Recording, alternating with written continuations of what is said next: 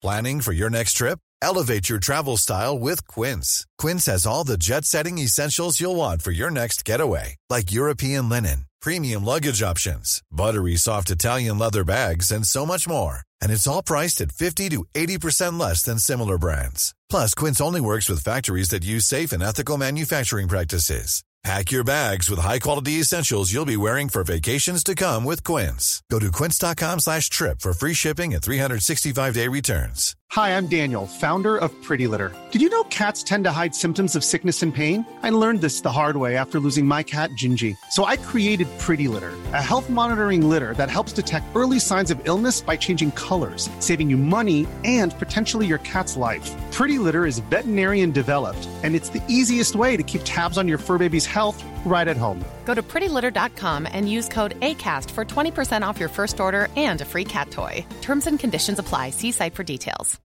Millions of people have lost weight with personalized plans from Noom, like Evan, who can't stand salads and still lost 50 pounds. Salads, generally, for most people, are the easy button, right? For me, that wasn't an option. I never really was a salad guy. That's just not who I am. But Noom worked for me. Get your personalized plan today at Noom.com. Real Noom user compensated to provide their story. In four weeks, the typical Noom user can expect to lose one to two pounds per week. Individual results may vary.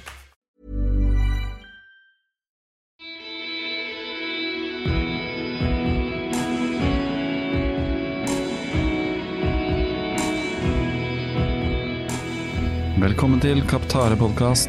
Mitt navn er Marius Hauge. Min gjest i dag løp New York City Marathon i går. Det gjorde hun eh, med stil, ser det ut til. Um, hun er en ultraløper. Hun er eh, mor til tre barn. Hun er lærer av yrke. Hun kan eh, en god del om løping. Det får vi høre om i dagens episode. Hennes navn er Jeanette Vika, og hun har jeg prøvd å få på podkasten helt siden uh, nesten starten uh, av denne podkasten. Så endelig var hun i Oslo. Hun bor i Holmestrand til daglig, så nå var hun i Oslo. Vi fikk til et møte. Endelig. Vi tok oss god tid. Uh, dette er vel kanskje den lengste episoden. Hvordan det skjer, det vet jeg ikke. Det er uh, som uh, sitert, praten går, det gjør den. Absolutt. Det er mye å snakke om uh, når du får en ultraløper som nettopp har løpt Spartatlon. En av de lengste ultraløpene som jeg har hørt om, i hvert fall. Hun forteller en god del om det et stykke ut i episoden. Før det så snakker vi litt om hvordan hun får tid til å trene i en travel hverdag. Det er det mange som har spurt meg om jeg kan ta opp på podkasten, så her får dere litt av det. Ellers, vi gjør det raskt i dag. Hadde jeg hatt sponsorer, så hadde de kommet nå. Jeg har ingen sponsorer utenom mine patrions. Tusen takk til alle som ble med i oktober. Det var eh, flere enn på lenge. Kjempegøy. Jeg bare si til alle dere andre at uh, jeg har skrevet på Patrion-siden min at når jeg har 100 patrions, så skal jeg løpe et ultraløp.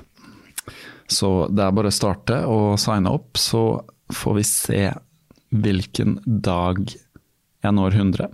Det kan skje om tre måneder, kan skje om seks, det kan skje om ni. På et eller annet punkt vil jeg tro det skjer, så lenge denne podkasten holder gående. Da skal jeg løpe et ultramaraton og fortelle om det her, selvfølgelig. Ellers, på Patrion så ligger det nå et uh, Det er jo en stund siden det kom en podkast. Uh, forrige episode er noen uker siden. Men jeg har ikke ligget på latsiden. Jeg har lagd et Patrion-telefonintervju med Sondre Lerche etter hans Chicago Marathon. Jeg ringte ham opp når han lå i hengekøya si i Los Angeles. Den praten finner du på Patrion, link i notatene. Så har jeg løpt hytteplanmila og lagde en liten videosnutt med Jon Ilseng. Et lite kvarter på veien til, og et lite kvarter eller noe så der eh, rundt det på vei tilbake. Hvor vi snakker litt om løpet og trening og Jon og litt forskjellig. Bare et videointervju. Eh, lydfylla, ja, den kan du også få tak i. Link via Patron der også. Ellers eh, er det en del ting som jeg kan tipse om, fortelle om, men det tar vi etter intervjuet, så slipper dere å vente lenger. Her kommer Jeanette. Ha en god, lang løpetur. Vi har jo vært i kontakt ganske tidlig, tidlig på året. Tidlig i 2019. Jeg tror Ja. jeg sendte deg en tekstmelding fordi Magnus Thorhus var på podkasten, tipsa om deg. Mm. Og så var vi litt fram og tilbake, så rant det vel litt ut i sanda. Ja. Det var vel tidsklemma. Ja. ja, det var livet, kaller jeg det. Det var livet, det var livet, ikke sant? Hverdagen. Ting går i hundre og sånn. Og Ja. så var Sondre på middag her. Sondre Lerche som har vært på podkasten på middag for noen Mm. måneder siden. eller noe sånt. Eh, og da sa han igjen Jeg sa at jeg ville ha fatt i flere damer til podkasten. Mm. Og jeg har vært i kontakt med en del, og liksom Litt rart, for det eh, Vær helt ærlig på det. Jeg kontakter menn, Mm. sier jeg umiddelbart. Jeg kontakter en del kvinner, og det er litt vanskeligere. Ja. Det er mye som må organiseres Ja. rundt min F.eks. Oslo-tur nå. Ja. Er det noe som organiseres rundt? Nå var jeg så heldig at nå skulle jeg også på jobb i to dager her. Og da tenkte jeg da klinker jeg til, for da er jeg i Oslo. Ja? Det å, å organisere hverdagen sånn at jeg kan dra til Oslo, Mm. og ikke bare for å gjøre en podkast, for det er ikke bare det, men, men øh, man føler at det er så mange andre ting eh, som det organiseres rundt fra, eh, fra før av. Mm. At, eh, men man skulle egentlig vært flinkere til å gjøre sånne ting òg. Organisere sånn og sette seg eh, Bare det å, å ta seg tid til å dra på middag med venninner, da. Mm. Det også nedprioriteres.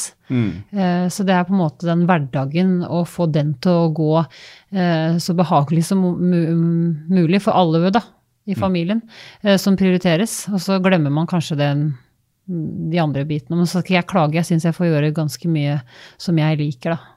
Mm. Uansett. For du, du er i Oslo nå, du bor i Holmestrand, du har vært her i forbindelse med jobb. Ja. Uh, så da fikk vi dette til. Det er veldig bra. Uh, vi er gode på å planlegge. Det sto i, plutselig i sted når du teksta og lurte på hvilken trikk og sånn, så fikk jeg litt panikk. Hadde vi sagt klokka fire? ja. Så jeg måtte gå tilbake og sjekke loggen Ja. på tekstmeldingene. Så så jeg at vi først hadde, jeg hadde sagt i tretiden. ja. Og Og så hadde du sagt fire, og så tenkte jeg "Huh, det var Ja. bra, fordi som jeg nevnte her før vi begynte, at jeg satt jo Ja, ja. spiste middag samtidig som jeg noterte. Men jeg har blitt bedre på å ta ting på sparket. Mm. For mange år siden, kanskje jeg fikk, før jeg fikk barn, så hadde jeg sikkert planlagt trikken for to-tre dager siden. Ja. Men det begynte jeg å, å orientere meg om i stad, og så fant jeg en trikk jeg kunne ta, og så syntes jeg det var så mye greier, for jeg måtte finne ut hvor jeg skulle kjøpe trikkebillett, og det var kanskje noe app jeg ikke hadde og sånne ting. tenkte jeg åh, jeg går, selv om jeg har en trillekoffert, så er det enklere å gå. Så da gikk jeg. Kom du fra Jeg- sentralt Jernbanetorget? Nei, jeg, jeg kom over fra grensen der, da. Ja. Ja. Det er vært- Det er faktisk ikke så langt. Vi er nederst på Løkka. Det liksom Ja, nei, det var jo ikke langt. Det bare virker så langt når du ser på kartet og tid og mm. Trikkene er faktisk litt tungvint for tiden, for de graver så mye i Oslo. Det var det jeg oppdaga. liksom. Men eh, du er godt organisert, da. Eh, Skjønner jeg. Ganske Ja, godt. jeg har nok sluppet litt opp på organiseringa, men, men en viss Ja, det har, jeg, jeg er god til å ha mye i hodet. Mm. Og så er det noen som sier du burde skrive det ned, men eh, hvis jeg skriver det ned, så glemmer jeg det. Så jeg er god til å ha mange baller i lufta samtidig. Mm. Det tør jeg å påstå. Uh, ja, også, men jeg har blitt bedre til å senke skuldrene. Mm. Uh, ikke stresse. Uh, og så tenke på at det ordner seg. Ja. Mm. Men handler det om å senke skuldrene og ikke ha kontroll på alt? Er du en sånn person som liker å ha veldig oversikt? Jeg, ja, eller? det er jeg. Eh, noen vil vel kalle meg kontrollfrik. Jeg syns jeg har blitt mindre kontrollfrik med åra. Eh, kanskje da på visse områder Mm. som jeg har øvd meg på, f.eks. i jobb, hvor du må på en måte eh, delegere og eh, og det er jo Vi samarbeider jo, så man kan ikke bare ha hele, hele oversikten sjøl. Hjemme har jeg nok eh, ganske mye kontroll fortsatt. Mm. Eh, I form av eh, når ting Hvor folk skal være til treninger og tider, og hvor, hvor er trusa mi, og hvor er treningsbuksa mi, og, og sånne ting. Så Mm. Som barn spør om. Ja, Mm. sånn generelt bare få hele huset og hverdagen og familien til å gå rundt. Eh, Jeg kunne nok blitt flinkere til å slippe opp der òg, men da, da, tri, da tror jeg ingen av oss trives. så kanskje de trives med at mamma maser litt og har den totale oversikten, men samtidig så klager man over at barna ikke tar ansvar og slenger fra seg ting på gulvet, og da mm, Istedenfor å klage på barna, så burde man kanskje se på seg sjøl og tenke hvordan kan jeg gjøre sånn at de faktisk får mulighet til å bidra mer. Da. For det er man ikke alltid så god på. Man skal være så effektiv hele tida. Så Og det er ikke alltid det passer inn i kanskje barns liv. Uh, Nei. De har behov Du snakka om det der, Ja. ta ting litt på spark og sånn. Ja. Barn er jo litt mer sånn ja, barn er jo mer på, på sparket. Ja, de, de lever kanskje litt mer i, i nuet, Ja, og er sånn som jeg oppfatter mine barn. da. Ja. At, uh, ja. Det gjør de. Mm. Og, og bare det for en um, for et skolebarn som har vært på skolen hele dagen og så på SFO, som våre to yngste er fortsatt, så, så kommer de hjem, og så har de lyst til å bare slappe av og, eller leke i gata, og så er det Nei, nå skal vi ut på noe igjen. Eh, så det Man må på en måte Man må måtte senke krava der òg, da. ja, man må det. Mm. Men det kan vi snakke litt om etter hvert, faktisk. Kan vi ikke ta det litt eh, kronologisk? Eh, din bakgrunn, Jeanette. Um, eh, har du en master i idrett, stemmer det? Det står på, på Instagram-siden Ja. din? Ja. Hva, hva vil det si? Ja, jeg har um, Hva har du studert? Ja, hva har jeg studert? Jeg um, begynte min høyskoleutdanning Faktisk videregående så skulle jeg bli keramiker, av alle ting. Så um, etter et uh, litt sånn mislykka år i USA, hvor jeg fikk hjemlengsel og reiste, hjem etter et halvt år, så um, begynte jeg på videregående. Jeg reiste til faktisk USA etter 9. klasse. Det var altfor tidlig. Gi barna ett år på videregående i hvert fall, før du slipper dem ut i den store verden. 15 år? 16 år? Ja, jeg, jeg var for ung da. Det er kanskje ikke alle som er for unge, da, men jeg var for ung. Eh, fin erfaring. Eh, så jeg kom hjem da og skulle begynne på videregående, så ville jeg bli keramiker. Kunstfag. Så jeg begynte på kunstfag, og så flytta jeg til Larvik. Og gikk på, på keramikklinje der. Og så jeg bli, begynte jeg faktisk her etter jeg var ferdig på videregående. Ehm, Så begynte jeg på, skulle jeg bli kunst- og håndverkslærer i Oslo. Begynte jeg på da. Høgskolen i Oslo. Eh, Dette er så lenge siden at jeg må tenke godt etter. Det samtidig som skjedde da, var at jeg hadde begynt å ta opp trening igjen. For jeg, jeg kommer fra Jeg var aktiv med alpint da jeg var liten jente. Begynte å kjøre slalåm da jeg var fem-seks år. Uh, Bare som familie, for vi har en sånn lokal slalåmbakke rett ved mamma og pappa. Eller der vi også bor nå, da. Hvor er dette i Vestfold? I Holmestrand. Holmestrand. Ja. Uh, Så og begynte der og var aktiv alpinist, trente barmaistrening på sommeren eller når det var organisert fra klubben. Det vil si løping i Ja, ja egentlig basistrening, men Ja. inkludert løping. Både ute og inne i gymsal, da, som vi hadde da. Og så på vinterstid så var det jo treninger i bakken og samlinger som vi dro, øh, dro til litt sånn Hemsedal og Jeg husker ikke alle stedene nå, men vi var litt rundt, da. Ehm, dette holdt jeg på med til jeg blei sånn, litt sånn tenåring og begynte å gjøre litt sånn ja, begynte å utforske, fant ut at verden var litt større, da. Og da var det en periode hvor man, jeg ikke var interessert i trening og aktivitet i det hele tatt. Det sosiale med venner var viktigst. Og det er jo den typiske alderen hvor mange Altså frafall i idretten, da. Den tok jo Jeg også hadde et frafall fra Mm. På idretten inn da. i tenåra? Ja, på vei inn i tenåra. Eh, men mens jeg bodde i, Larvik eh, og på videregående, så begynte jeg å ta opp treninga igjen, men på treningsstudio. Eh, hjemme i Holmestrand. Begynte med aerobic og step og litt sånn lett styrketrening. Da var jeg jo rundt Jeg vet ikke, jeg må jo ha vært Jeg sier rundt 17-18 år, da. Eh, Og dette tok meg litt. Eh, Kjempegøy, syns jeg det var.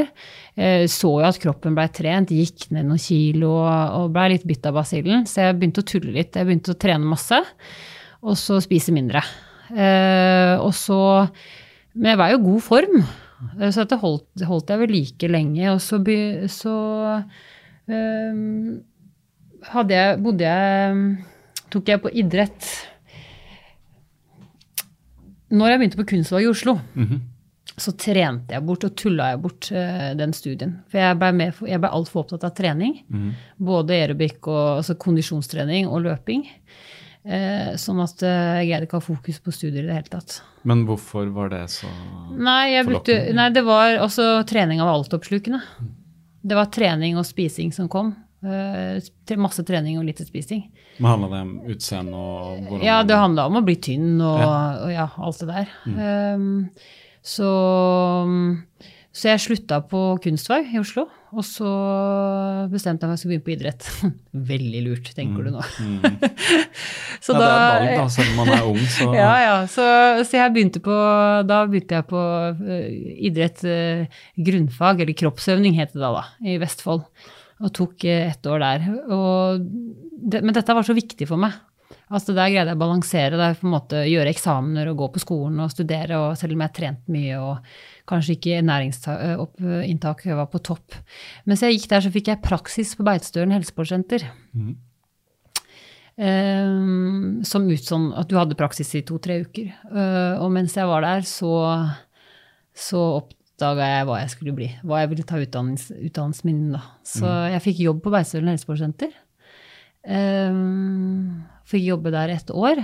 Og det var der oppe på, på Beitostølen som jeg virkelig begynte å bruke naturen og løpe.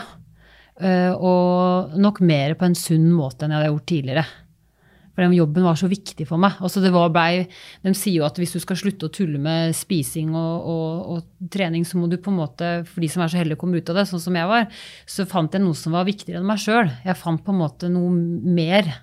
Uh, og da tenkte jeg at jeg, hvis jeg skal Det var så viktig for meg. sånn at da uh, da falt masse, mange brikker på plass. Ja. Brukte naturen der.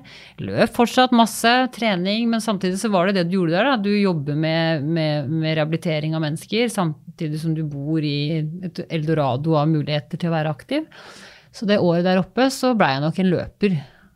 Når, jeg, hvor gammel var du da? Ut av tenåra? Ja, jeg var litt over 20. Jeg var 20 nå, tenker jeg. Jeg var i 2001 ca. Mm. Ja.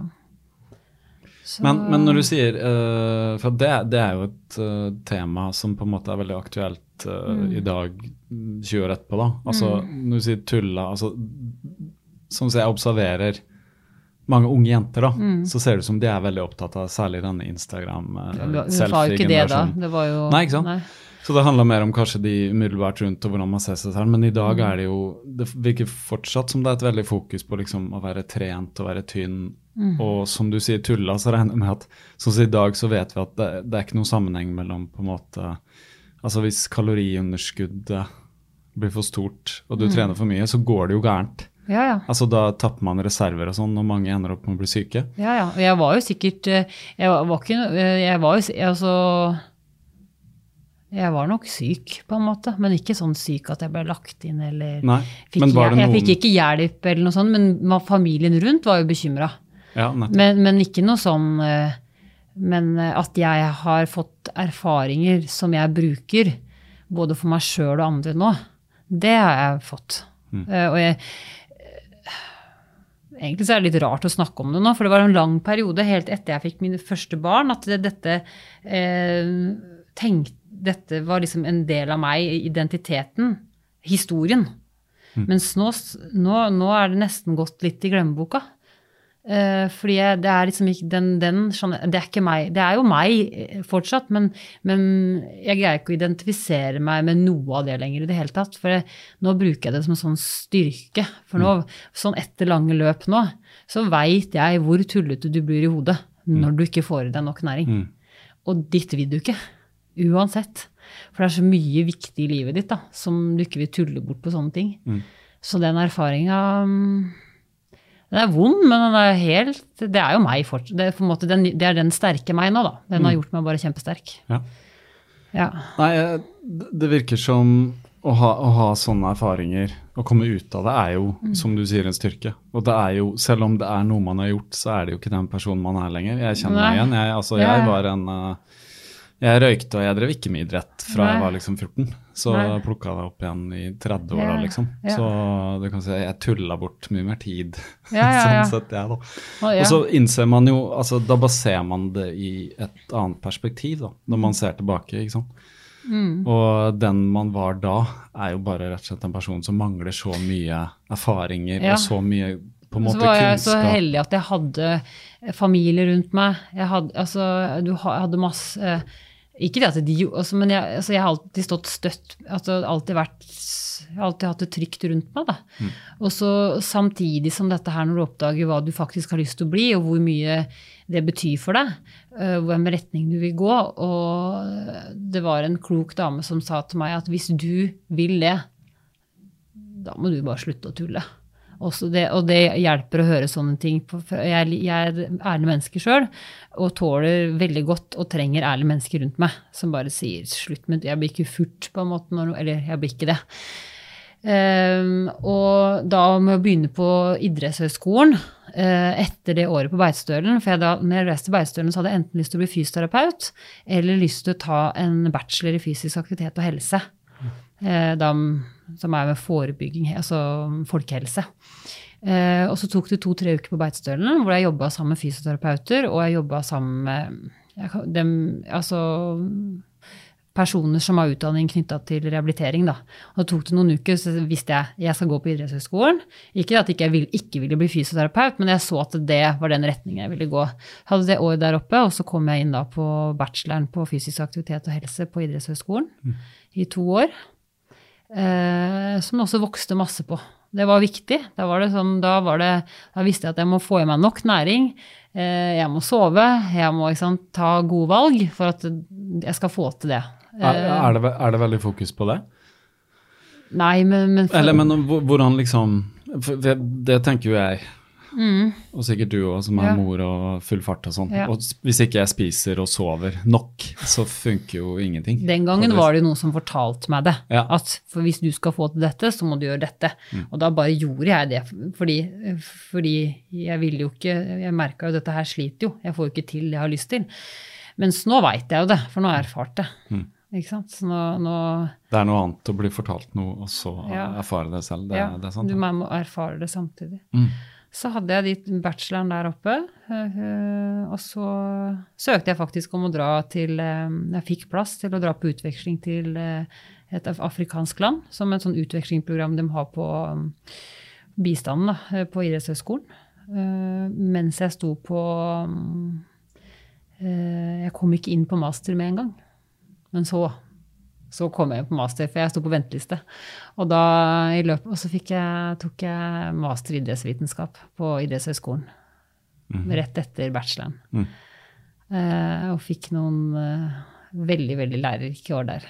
Hvor, hvor, var du ute da? Når, utveksling? Nei, jeg gjorde ikke det. Nei, du gjorde ikke det. Nei, for jeg, jeg, begynte å forberede meg til det. Mm -hmm. Fordi jeg ville jo gå fortsatt med idrett. Uh, men i påvente av da å begynne på en master, så tenkte jeg da drar jeg et år til utlandet og jobber med, med mm, bist, altså bistandsarbeid knytta til ah, utdanning mm. på idrettshøyskolen. Mm. Uh, men det kom ikke så langt. Nei, for du fikk plass. Jeg fikk plass på master, ja. og veldig glad for det. Så da, da, kom jeg inn i et prosjekt der hvor vi Jeg skrev masteren min på eh, toppidrett og kvinnehelse. Det er interessant. Det er veldig interessant. Er det Ja, fortell litt om det. Nei, altså hva du skrev. Det jeg skrev om Vi tok for oss uh, Eh, min veileder blei Jorunn Sundgodt Borgen, som eh, har jobba mye med toppidrett og kvinnehelse. Eh, vårt, jeg sier vårt fordi sammen med en medstudent så fikk vi ta opp hennes doktorgradsmateriell.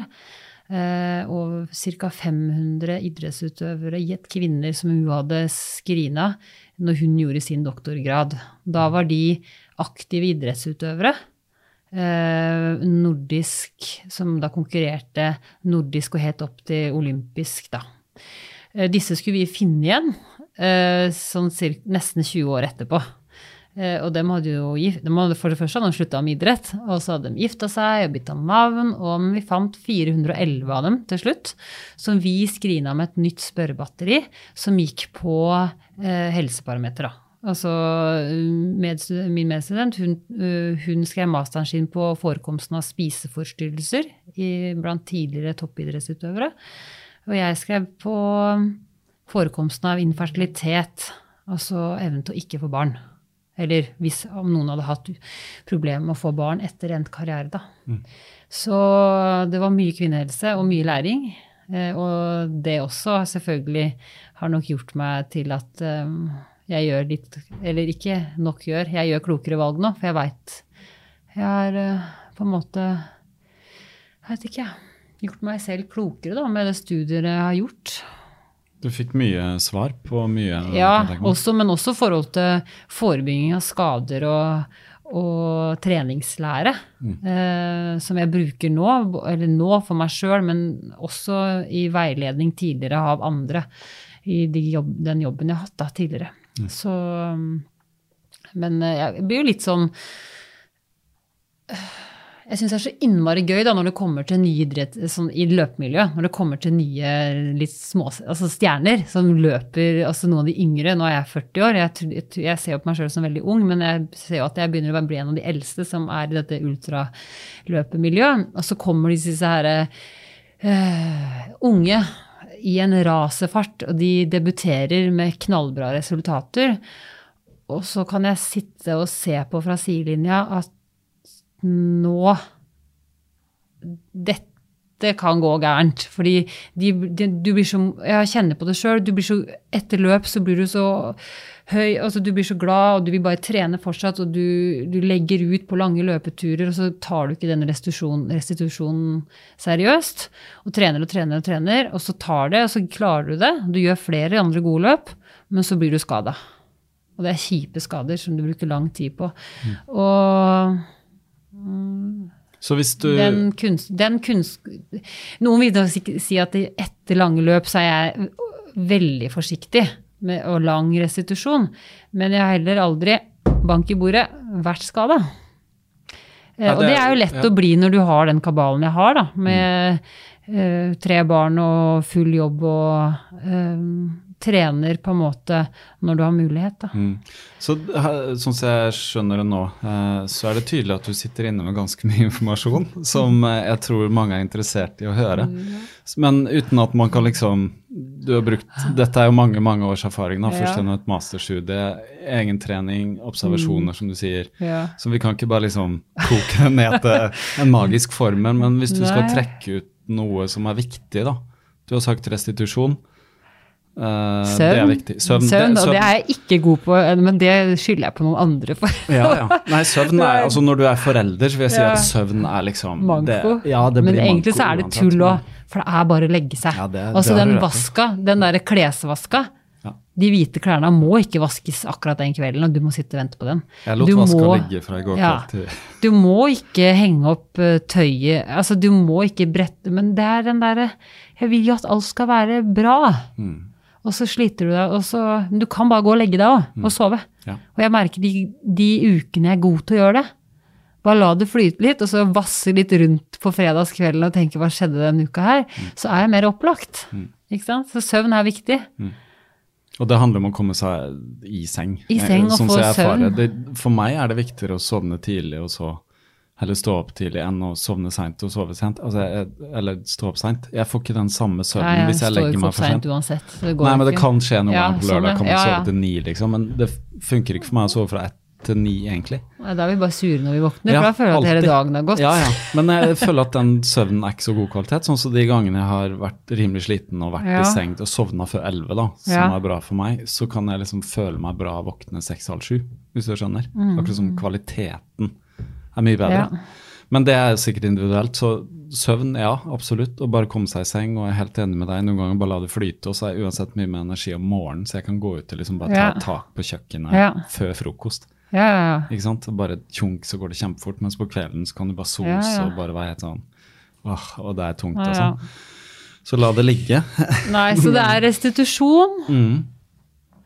søvn restitusjon er jo litt sammensatt, for det handler jo litt om eh, handler Det handler om selvfølgelig ernæring og sånne ting, men det handler også litt om psyken. eh, om man klarer å slappe av når man slapper av. For det er, det er ikke alle som er like gode kanskje til å slippe Altså du løper ikke, du jobber ikke, men du grunner på et eller annet som du skal gjøre, et eller annet prosjekt, om det er jobb eller et eller annet eget prosjekt, eller noen er bekymra for Kommer jeg til å klare den økta i morgen? 8000 meter, liksom. Å nei, sånn tenker jeg aldri. Jeg- Ja, men noen Ja. gjør jo sikkert det. Jeg kan titte på sånn I morgen skal jeg løpe liksom sånn og sånn. Å, shit. Liksom. Det er da- fordelen med å ikke ha en sånn treningsplan, for det har jeg jo ikke. Nei. For du, Eh. du kan Er du, hvordan er det med treningen? Du, tar du det litt på feelingen, eller følger du et grovt program, eller har du et lang horisont, eller hvordan gjør du det?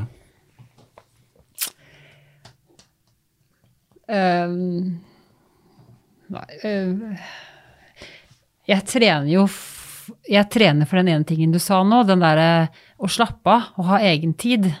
Og da og og så skulle styre den egentiden med at jeg må løpe 8000 meter, eller jeg skal løpe Må løpe. Eller du Da, da er det Da, da blir jeg fratatt noe. Da er det ikke jeg som styrer treninga lenger. Da er det programmet som styrer treninga. Så sånn sett så kunne jeg kanskje Noen ganger så tenker jeg jeg kunne kanskje vært skikkelig god. Hvis jeg bare hadde strukturert dette og gjort sånn som mange andre. Men da tror jeg ikke at eh, jeg hadde trivdes så godt med det. Og du må jo trives med det for å bli god, da. Men jeg merker jo nå etter den derre For nå har jeg hatt en kjempebra treningsperiode eh, helt siden i, i vinter. Og jeg merker jo at jeg er i mye bedre form nå enn jeg har vært mange år. Alt. Men jeg er ikke noe raskere, for jeg har jo ikke trent på, på å være en rask løper. Men jeg har, det er jo noe helt annet i kroppen nå. Mm. Den blir du litt avhengig av, da. Jeg har ikke lyst til å miste den. Nei, for alle Ja. som har vært i god form Altså, jeg er er jo jo en god veldig form søt karamell. karamell, på en måte, Ja, men jeg er jo i god form i utgangspunktet hele tida uansett. Men når jeg har fått den ekstra boosten nå, og gjort eh, forhold til meg sjøl alt riktig restitusjon etter Spartatland, og får den der litt sånn den runners highen som jeg har følt på nå den siste to uka, den siste uka, hvor jeg faktisk også kan gå rundt og føle på en sånn energiboost inni kroppen. Og kan ta på meg løpesko og bare løpe lett. Til meg, altså, til meg var ikke raskt, men bare at du kjenner at alt flyter. Den Da tenker jeg nå er jeg klar for mer systematisk trening. Og det er systematisk ut fra mine krav til hva trening skal være, da. Men andre som trener etter en treningsplan hvor de skriver opp alt, vil jo sikkert ledd av planen min. Men den er ikke tilfeldig. Det er den ikke. Så hvordan legger du opp eh, Altså du har jo Vi kan snakke litt om Spartatland eh, etter hvert, men du har jo løpt veldig mye Du har løpt 24 timer, og både på Bislett og Mølle, så vidt jeg har forstått. Ja. Og du har vært med på ganske mange andre lange løp, ultraløp. Ganske Ja. Eh, ja. Jeg, Så hvor, Ja. hvor ofte, eller bare for å ta litt sånn historien din videre, da. Mm. Eh, når, når begynte dette med ultra? Altså Ja. master og sånn, så løp du hele veien, men konkurrerte du, løp du maraton? Jeg sa jo alle ting? år når jeg gikk på idrettshøyskolen, at du kommer ikke til å få meg på noe Jeg møtte jo mannen min mens jeg gikk på idrettshøyskolen. Uh, på en, jeg tok masteren min på slutten, da når jeg var der oppe.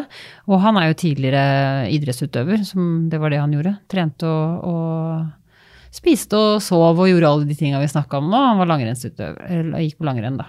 Eh, så og han da var jo vant til å ha et startnummer på brystet. Og jeg sa du får du ikke meg til å gjøre eh, i det hele tatt.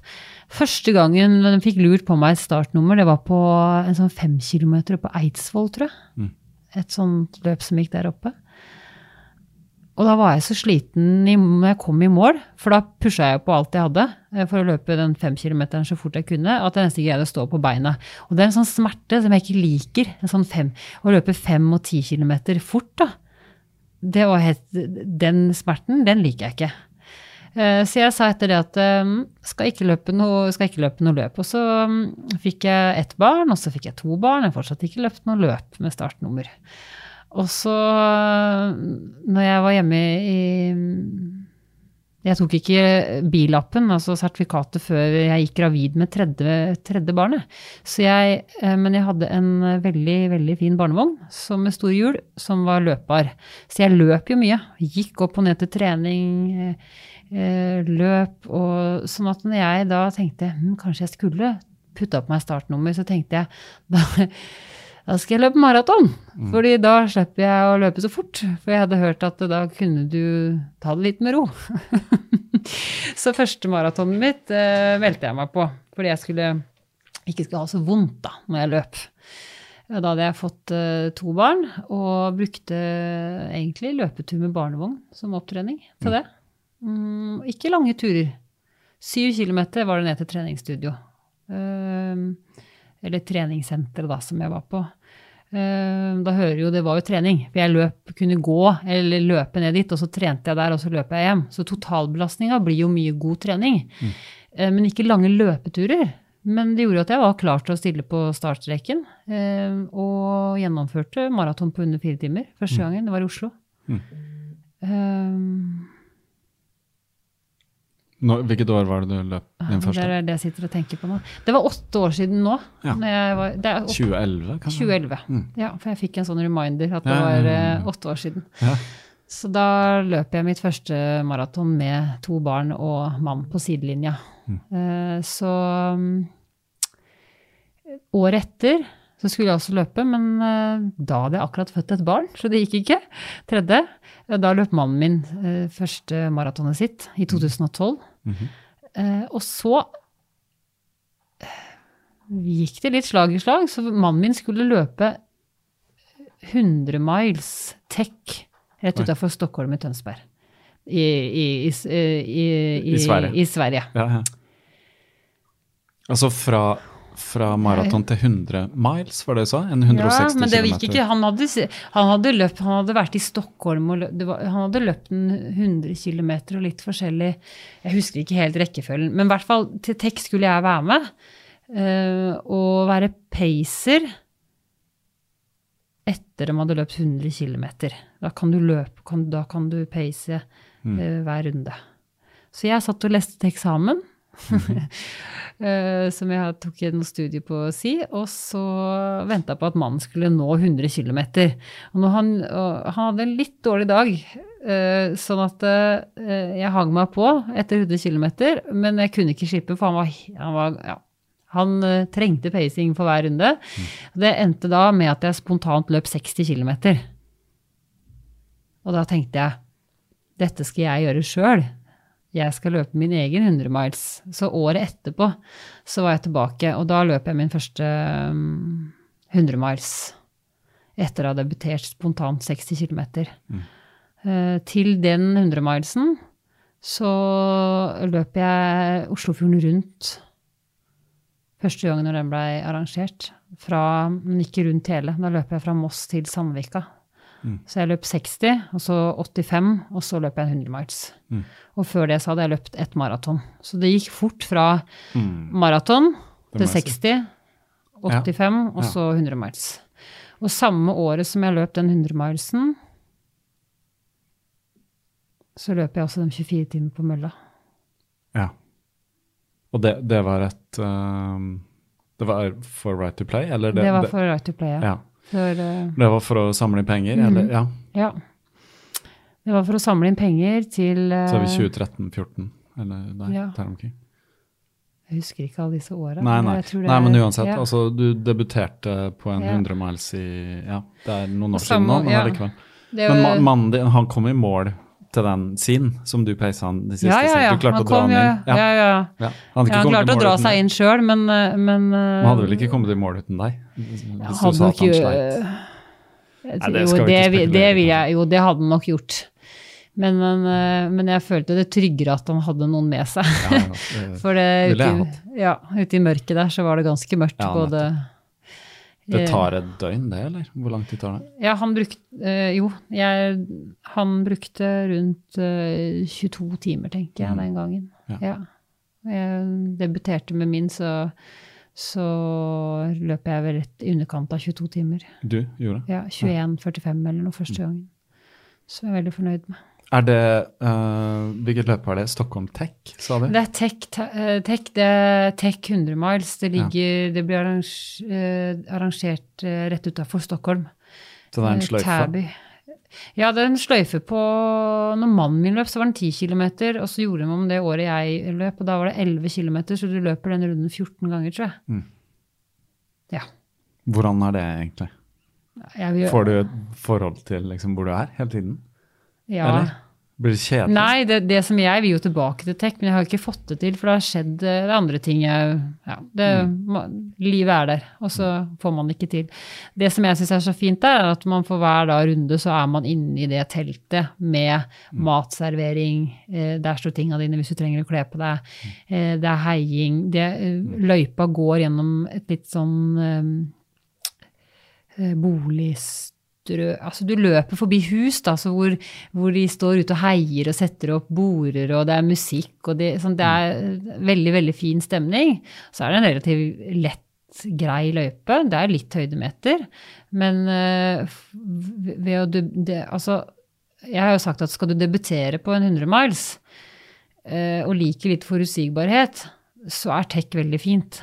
Fordi det er trygt, da. Du, du kommer til samme sted for hver ellevte kilometer.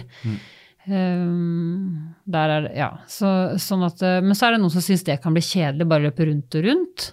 Men da tenker jeg, da kan du løpe fra A til B en annen gang. For en 100 miles er tøff. Ja. Ikke sant? Så når det blir tøft, så veit du at du faktisk kan sette deg ned et sted. Hvis du løper fra A til B, så veit du aldri hva som venter deg rundt neste sving. Da. Så selv om jeg liker fra A til B nå veldig godt. Ja, for du, du har ikke returnert. Men har du løpt andre uh, ultra som er sånn sløyfebasert? Jeg har løpt uh, Bislett 24 timer. Ja, det er veldig Det er veldig sløyfebasert. 546 meter. rundt og rundt og rundt og rundt. Uh, ja, Bislett, vet du hva, det løper jeg altså sammen Jeg tror det var rett det, Jeg gjorde veldig mye. Apropos restitusjon. Det første året mitt som jeg løp 100 miles, så løp jeg 24 timer på mølle, og så slang jeg på, skulle jeg prøve meg i eh, kjelleren på Bislett på 24 timer. Eh, og så fikk jeg masse oppmerksomhet, både i forbindelse med 100-milesen min i, i Stockholm. Fordi jeg løp eh, Den gangen så var det ikke så mange damer i Norge som hadde løpt 100 miles, så jeg løp inn på mm, eh, andre beste noterte tid i Norge den gangen. Nå er det jo mange som har løpt mye raskere enn det. Mm, og så løp jeg den 24-timen på mølle. Burde du hausa opp pga. det. Og da, da mister jeg litt det som jeg snakka om i stad. Da er det, ikke, det er ikke løp mitt lenger. Det blir alle andre sitt. Eh, Det var helt greit med den på mølla. Det måtte jeg bare la skje. For det var sånn stor ting at skulle, du skal samle inn penger. Og jeg, måtte, jeg, jeg visste at media kom til å skrive om det og sånne ting. Eh, Men i ettertid da også så blei det veldig mange som ville ha en bit av det. Du, du blei kontakta av aviser som ville at du skulle svare på ernæringsspørsmål. Og, og da blei det litt da mister jeg, apropos kontroll òg, det, det blir for mye. Det blir, løpinga blir borti alt mulig. Jeg vil bare, Ja, jeg vil bare som- løpe. Ja, men det er vel Eh, det som mange erfarer, da, at det som Ja. følger litt med å gjøre det bra Ja. eller gjøre noe annerledes. Så når jeg var, var, skulle løpe 24 timer på Bislett da, så var det sånn også veldig sånne høye forventninger til meg. Eh, sikkert i meg selv òg, men også fra flere andre som tenkte at eh, nå kommer Vika til å gjøre det bra. Tenk, og jeg lå veldig godt an. Helt til jeg på 90 km sa til mannen min du, når jeg når eh, 130 og har medaljen, da går jeg hjem. Og da hadde jeg bestemt meg. Så jeg løp til 130, og så gikk jeg hjem det året. Og så sa jeg Bislett aldri igjen. Fordi er det Nei, da var, da, var, da var lufta helt ute. Ja. Det hadde jeg ikke. Da hadde jeg gjort uh, for lange løp på kort tid. Sam, ja, så jeg har gjort det jeg snakka om ungjentene gjør da jeg var litt yngre. Uh, Syns det er kjempegøy. Blir bitt. Uh, stopper ikke selv om andre sier at nå kanskje blir det litt mye. Legger inn for mange løp. Eh, jeg ble ikke skada, men jeg hadde ikke lyst til å løpe lenger. Så da gjorde jeg andre ting. Jeg trente, men jeg løp ikke så mye. For det handler veldig mye om på en måte at man blir sånn dypsliten. Ja, det blir sånn. Det var sånn jeg Jeg kunne bli lest- irritert ja. Mm. fra å gå til å være misunnelig når jeg så noen løpe langs veien hvis du hadde hatt en litt kjip dag og visste at du ikke rakk å trene. Og så blir det sånn Å, jeg skulle ønske det var meg som kunne løpt der nå. Så kunne jeg bli oppriktig irritert hvis jeg så noen løpe langs veien. Mm. Sånn forhold hadde du til trening. Det var sånn Mm. så da, og da øh, vet jeg jo meg sjøl at øh, de er jo ikke idioter, de som løper langs veien. Det er jeg som er sliten. Ikke sant? Mm. Men det er ikke bare bare å innse det alltid, altså. altså det er ikke Ja. alle som har så mye selvinnsikt at de klarer å skjønne hvorfor jeg er irritabel. Eller at de er irritable i hele tatt. Ja, ja. ja og så Altså. og så- er det veldig mange når man um, kommer til en sånn metningspunkt, da, om det er løping eller sykling eller den type trening du har gjort, så bare biter tenna sammen. Og det har jeg gjort sjøl. Biter tenna sammen, og så truer de seg til å trene. Det har jeg funnet ut av. Gjør noe annet. Uh, om det er å dra i slalåmbakken med barna dine, Jeg gjorde det en hel vinter. Hver gang jeg hadde lyst til å løpe, så fant jeg på at det i Slalåmbakken. Det var mye lurere. Men det fylte Altså, jeg ble jo glad. Jeg, jeg, fyll tida di med noe som gjør deg glad der og da. Selv om du kanskje er lei deg og, og, og irritert over at uh, du ikke liker løping akkurat nå, så kommer det tilbake, tenker jeg. Mm. Kanskje ikke når du skulle ønske det kom tilbake, men det kommer tilbake. Og det var jo akkurat det som skjedde med meg. Jeg fikk løpelysta tilbake. Dette har skjedd flere ganger, men ikke så bombastisk som det skjedde den gangen. Men jeg har perioder jeg syns løping kan dra litt der pepperen gror. Men, men mye kortere nå, fordi jeg er flinkere til å ikke true inn løping alltid fordi jeg må, må, må. Fordi da får du ikke lyst til slutt. Jeg får i hvert fall ikke det, da. Så det er å løpe på den lysta. Mm. Mm. Tenker jeg. Men uh, ja, så da Men du har Altså, du tok Hvis vi snakker om en pause, da, så liksom et, et, en vinter hvor du sto på slalåm med barna istedenfor å fokusere så innmari mye på løping, og så Ja, ikke, ja det, den vinteren der var det vel mer at litt sånn uh, Bare litt annen trening. Kanskje ikke så mye trening i det hele tatt. Styrketrening.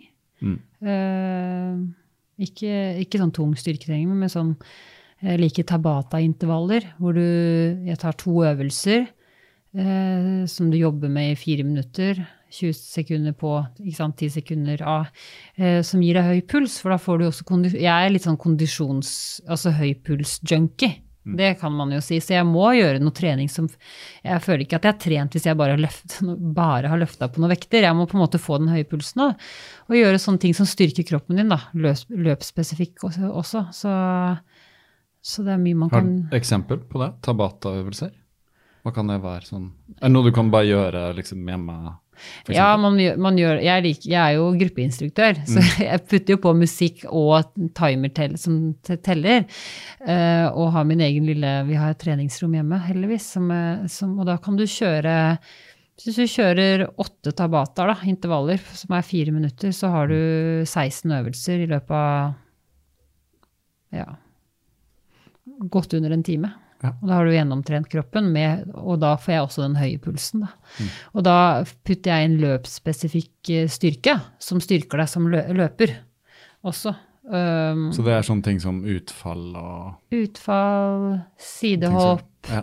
uh, armer, mage, rygg, uh, spensthopp, uh, ankel. Mm. Ja. Så hvis det er noen som har liksom behov for det visuelle og se sånne ting som det her, hvor kan man finne hvis noen tenker sånn ja, jeg, også, jeg kan også bruke liksom, gjesterom eller et eller annet sånt. da. Hvor kan man finne, Er, er det sted man kan finne liksom, eksempler på dette, som viser eh, ja. videoer eller et eller annet sånt? Det, vel, det, er det. Da, ja. ja. Så, ja det er, men, det er, forskjellige former for tabata-intervaller, da. Men mm. den 2010 er vel den mest uh, brukte, tenker jeg. Man kan søke opp tabata-intervaller 2010. Ja, Men 20 på 10 sekunder av? 20 på ja, du jobber 20 sekunder, og så har du 10 sekunder, så bytter du til den andre øvelsen. Ja, ja. F.eks. hvis du har eh, spenstopp opp på en step, da. Altså, eller en krakk.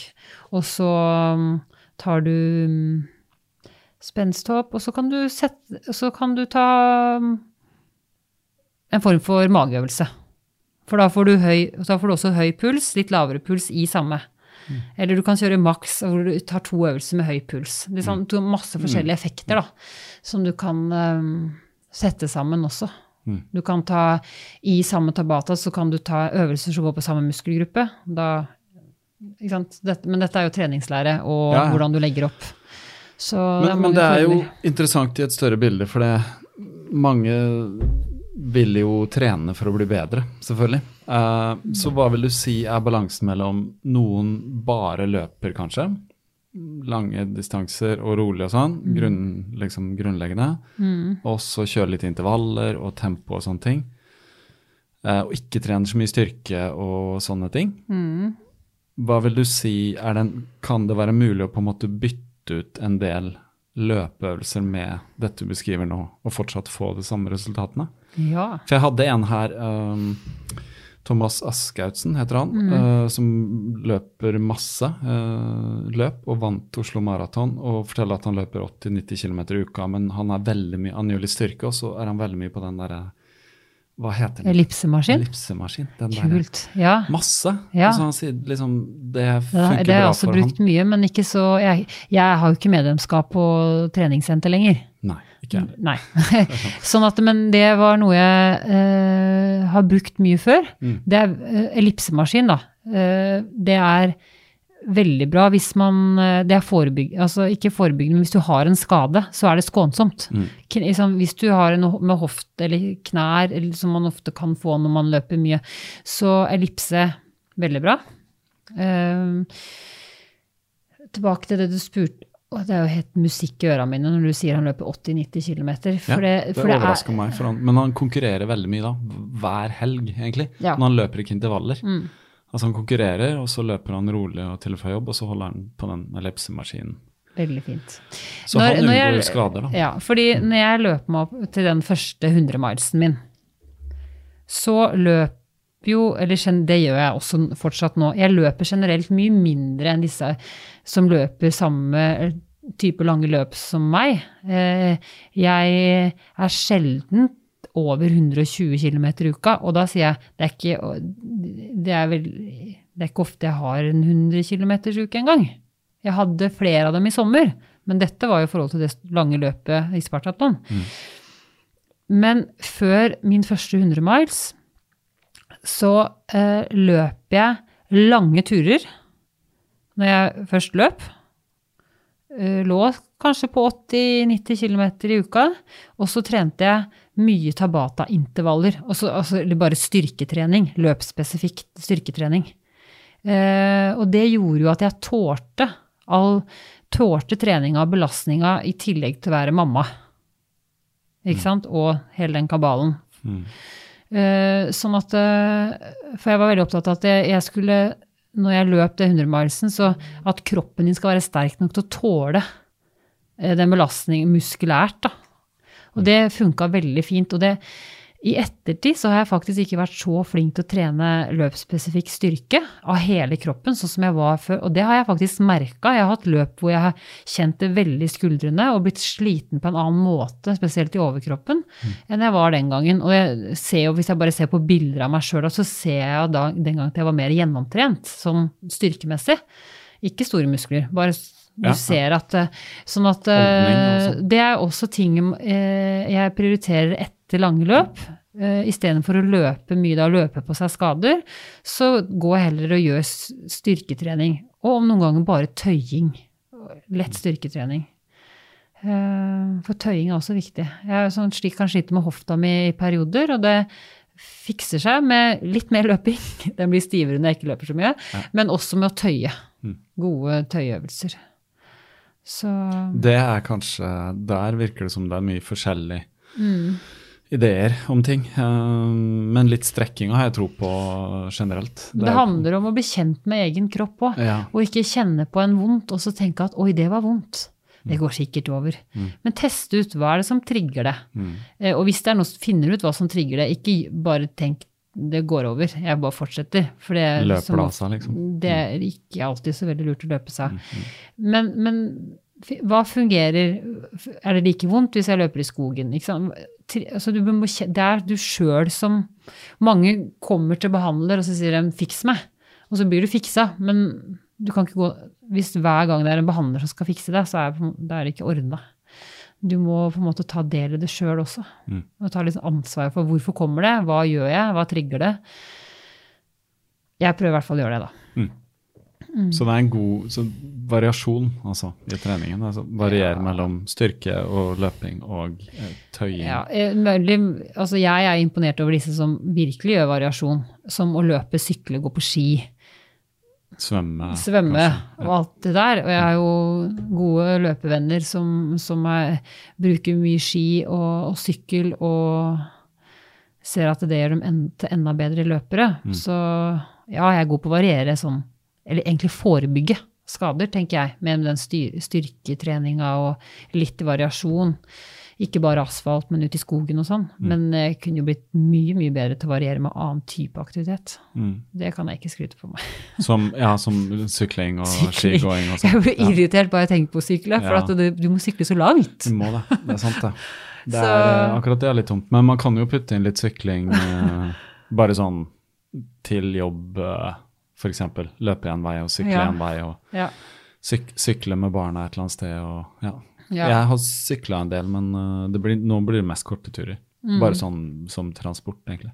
Jeg slutta med den der eh, tre timer på sykkelen, for jeg hadde ikke tid. altså nå Ja, løper jeg tre ja. timer, så det er liksom Nei, det, Ja. det blir også for, for mannen min har alltid vært glad i å sykle. Mm. Eh, og så eh, Jeg skjønner ikke helt åssen det går, de som syk, har sånne syklister. Jeg, får, jeg skjønner ikke åssen de får plass til det inni familiegreia. fordi, fordi det, tar så lang tid å sykle. Ikke bare at det tar lang tid å gjøre selve aktiviteten hver gang, men du skal spyle, og du skal fikse, og du skal skru, og det Ja. Og kle på deg og, Og av og alt. Ja, nei, så det er jo på en måte Løping er veldig enkel sånn familievennlig aktivitet for mor og far. For det er bare å få på seg noen treningsklær Mm. og skoa, og så er du der. Og nå er vi heldige, og vi bor eh, fem meter fra skogen. Sånn at, og Dere vi kan løpe rett ut skogen. Ja, vi, ja. Men hvordan gjør dere det sånn i praksis? Løper dere sammen, eller tar dere sånn nå tar du en tur, og så passer mannen din barna, så tar han en tur, og så passer du barna, eller? Hvordan gjør dere det som praksis? Mannen min er flink. Han er god på å trene tidlig på morgenen. Han kan fint dra ut og løpe i 60-a, tidligere enn det, i helgene til og med. Mm. Det er ikke nødvendig at han drar ut så tidlig, eh, men, men han kan det.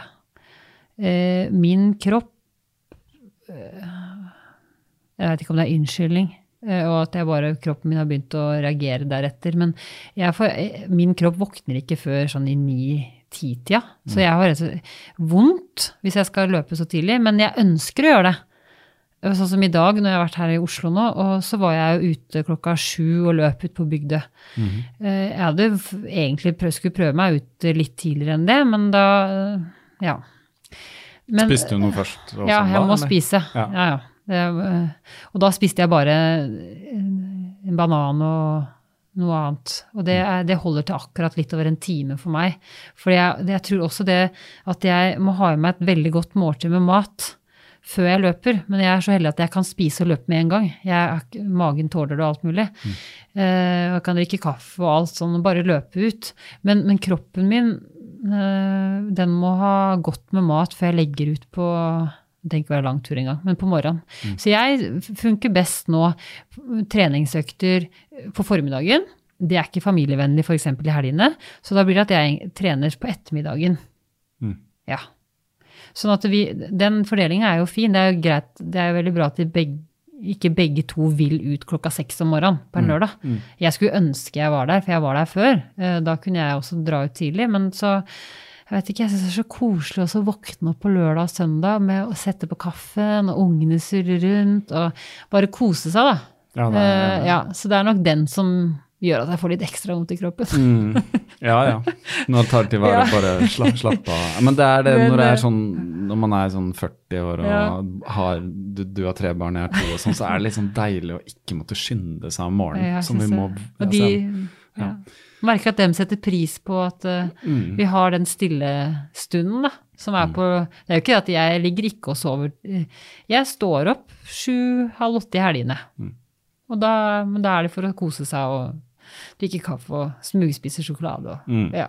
Sitte og lese avisen eller et Ja. eller annet Ja, Jeg syns den er eh, Og så når jeg har hatt disse treningsperiodene For jeg har jo en treningsplan, selv om ikke den er sånn, sånn som kanskje veldig mange andre har, så er det ute og trene på morgenen og lange turer har jeg hatt. Da sliter jeg med den mammasamvittigheten. Ja. Den, den er litt eh, Prøver ikke å ha den da, når jeg løper ute på tre mil, men, men eh, jeg får jeg, jeg føler at jeg egentlig skulle vært et annet sted òg. Mm. Jeg skulle vært hjemme sammen med barna mine. Ja. Spesielt Men- når jeg løper da- ut på morgenen. Men da har de Altså Jeg regner med at sånn i, i familien, og dere forstår løping begge to, så skjønner Jimmy, som oh, ja. er din mann, da, Ja. veldig godt at Ja. du skal ut tre timer, at han ikke han gir deg dårlig samvittighet. i hvert fall. Nei, han gir meg ikke dårlig samvittighet. Han, Han gir meg egentlig deg. motsatt. Ja, Han er mer sånn Skulle ikke du vært ute nå? ja. Ja, Men da han- tar han barna og kan finne på noe, og det er ikke sånn at de må liksom bare Nei, nei, nei. ordne seg sjæl. han ikke ikke på sykkelen eller noe sånt. Jeg tenker at det, det, det er viktig da, å ha sånn, for jeg snakka litt med en kone om det òg. Fordi det er liksom veldig viktig Jeg tenker det er viktig å være mor. altså barna, Det er viktig at barna har en mor, men jeg tenker det er innmari viktig at de har en far òg. Det blir ofte litt sånn, kanskje litt sånn glemt, alle de gode fedrene også eh, Ja. i familien. At den rollen også er sinnssykt viktig. da. For det er jo selvfølgelig Mor har en helt spesiell plass i barns liv, og det handler veldig mye om her, veldig tidlig nærheten og sånne ting. Men så kommer jo, så har jeg som far sin tid, han kan komme på banen, og jeg har opplevd det begge mine barn, veldig sånn nærhet og sånn. Så i, i vår familie i hvert fall, så er vi veldig sånn likestilt i forhold til barna, da. Selv om den yngste er veldig sånn mamma. Ja, det sånn absolutt, oss, Men hun, ja. hun eldste er liksom Pappa er vel så bra og sånn, men det, det svinger litt òg, fram og tilbake selvfølgelig. Men Mm. sånn som min kone reiser en god del, og jeg er alene med de kan være liksom 10-11 dager og sånn. Mm. Det går helt fint. Men jeg aksepterer det, for at jeg vet det er viktig for hennes karriere. sånn, Men Ja. det er jo tøft, da. Man blir sånn. Ja. Jeg syns det er tøft. og Jeg syns synd på meg selv når jeg liksom virkelig ja, jeg må jobbe si hardt. ja. altså. For mannen min, han reiser jo en del. Uh, Utad så kan folk si sånn Ja, ma, ja han, han reiser jo så mye. Men jeg tenker han reiser da ikke så mye, tenker jeg. Eh, det er fordi han er flink til å dele på sosiale medier, som også er en del av det han på en måte Når han reiser med jobb og sånne ting, så skal få det ut. Sånn at det kan virke som han Men altså, så det, det sier litt om min, mitt forhold til det. At jeg syns ikke det er så slitsomt når han reiser. Eh, Jeg syns noen ganger at ting kan flyte bedre når du er aleine, fordi det er bare deg. Det er bare du som kan ha alt. Sånn apropos vi snakka om kontroll i stad. Så på en måte eh, du har den er, Du, du veit at det er bare du som kan gjøre de tingene, og, og hvis du skal ha hjelp, så må du spørre om det og planlegge det. Vi er, held, vi er heldige å ha besteforeldre eh, i nærheten og familie. Eh, sånn at Og så blir det nesten en sånn overgangsfase når kom, den kommer tilbake, for det skal du sette deg inn, og så Ja, de, de overgangsfasene begynner å bli bedre og bedre nå, for det, det flyter litt bedre sammen. Men um, Nei, jeg, jeg bare tenker på Ja. Men jeg syns aldri synd på meg sjøl når jeg er aleine. Jeg er mer egentlig bare tenker 'yes, dette fikser jeg', tenker jeg. ja. Jeg er litt der. Og så og, og, jeg blir nesten bedre på å trene når jeg er aleine. For du veit at jeg, jeg, har, jeg har mulighet For eksempel forrige uke. Så hvis man er to, da, så kan det være sånn Ja, det ene skal på, et av barna skal på trening, så, så da da sitter du på tribunen og ser, eller er på butikken og handler, for du kan jo trene etterpå. Er du aleine, da har du bare de 50 minuttene å trene på. Du må trene da. Så da putter du det inn der. Da putter jeg det inn der. Hvis du er to, så skal du trene etter ungene har vært på trening og så spist, og så blir jo bare ork. Fordi når ungen er i seng, så er klokka halv ni, og så skal du ut og trene. Og så, ja. Sånn at eh, jeg blir nesten mer effektiv med alt når man er aleine. Du bare ser mulighetene Ja, der, ser du ser mulighetene, for du du Ja. bare må ta de. Ja. Uh, selv om Men- jeg men- vil Jeg syns det er best når vi er to. Mm, Ja, absolutt. Men når jeg sier, jeg fleiper litt når jeg sier syns synd på meg selv. Det er litt Ja. mer den derre Noen ganger så man står på så innmari Og så er ikke, er ikke alltid jeg har fått inn den treninga den dagen Nei, nei. går skeis, liksom. Og da ble jeg sånn, fikk jeg aldri egen tid, og så ble jeg litt sånn Men så aksepterer man det. Ja. Og så får man det på en måte igjen seinere, og så trenger det ikke være så innmari krise heller, da. Om man står over én økt, liksom. Nei, nei. Og Det det er er jo jo det. ikke noe som endrer seg, egentlig. Og det er jo det jeg tenker på med treningsplan nå. Skulle jeg hatt en treningsplan som jeg skulle fulgt, da, kanskje i tillegg hatt en coach, da, som jeg var inne på, og skulle ha i hvert fall før det siste løpet jeg gjorde nå, så ikke bare at du ikke følger din egen treningsplan, du må si til coachen din at eh, 'jeg har ikke fått trent det vi blei enige om', fordi at eh, jeg var aleine eller jeg fikk ikke kabalen. Det hadde blitt helt stress, og antageligvis slutta å løpe. Mm. Ja. Så, sånn at, og det, det pleier jeg å si til de som mm, har de der tunge periodene hvor du ikke har lyst til å trene den økta du har tenkt til, så tenker jeg, vet du hva, har du lyst, eller har du behov for å ligge på sofaen den kvelden, så legg deg på sofaen den kvelden. Fordi dagen etterpå så er du klar. Men hvis du hver eneste gang du tenker at ja, orker jeg ikke, det har vært så mye. Eh, hver eneste gang eh, truer deg sjøl til å trene, så vil du bite deg sjøl i rumpa, tenker jeg. På lang sikt, ikke sant. Ja. Samtidig som vi som har eh, opp, eller erfart fysisk aktivitet, trening og hva den gjør på kroppen, veit jo fordelen vår med denne her eh, terskelen til å gå ut og trene, er jo at vi veit hvordan det kjennes ut når du er ferdig. Mm. Og den kan være bedre enn den følelsen du får å ligge en kveld på sofaen. Mm. Men jeg pleier å eh, forklare når jeg sier til Hvis eh, mannen min spør liksom, ja, fikk du trent, så sier jeg vet du hva, i dag er jeg så sliten at eh, jeg tror det hadde tappa meg mer. For nå, jeg, nå kjenner jeg kroppen min så godt at jeg veit det er forskjell på sliten og sliten. Noen ganger så er du sliten inn til margen. Mm. Ikke sant? Du, du er så sliten at du er nesten bare Ikke for at det er noe galt, du bare Og da veit du at den treningsøkta der vil bryte meg mer ned enn bygge meg opp. Det er bedre at du går og legger deg og sover. Det Så- er, men- det er men viktig den- å se Men, den. men, men de tinga kan jeg jo fordi eh, jeg er så heldig å ha blitt kjent med kroppen min gjennom trening på den måten jeg har blitt. da.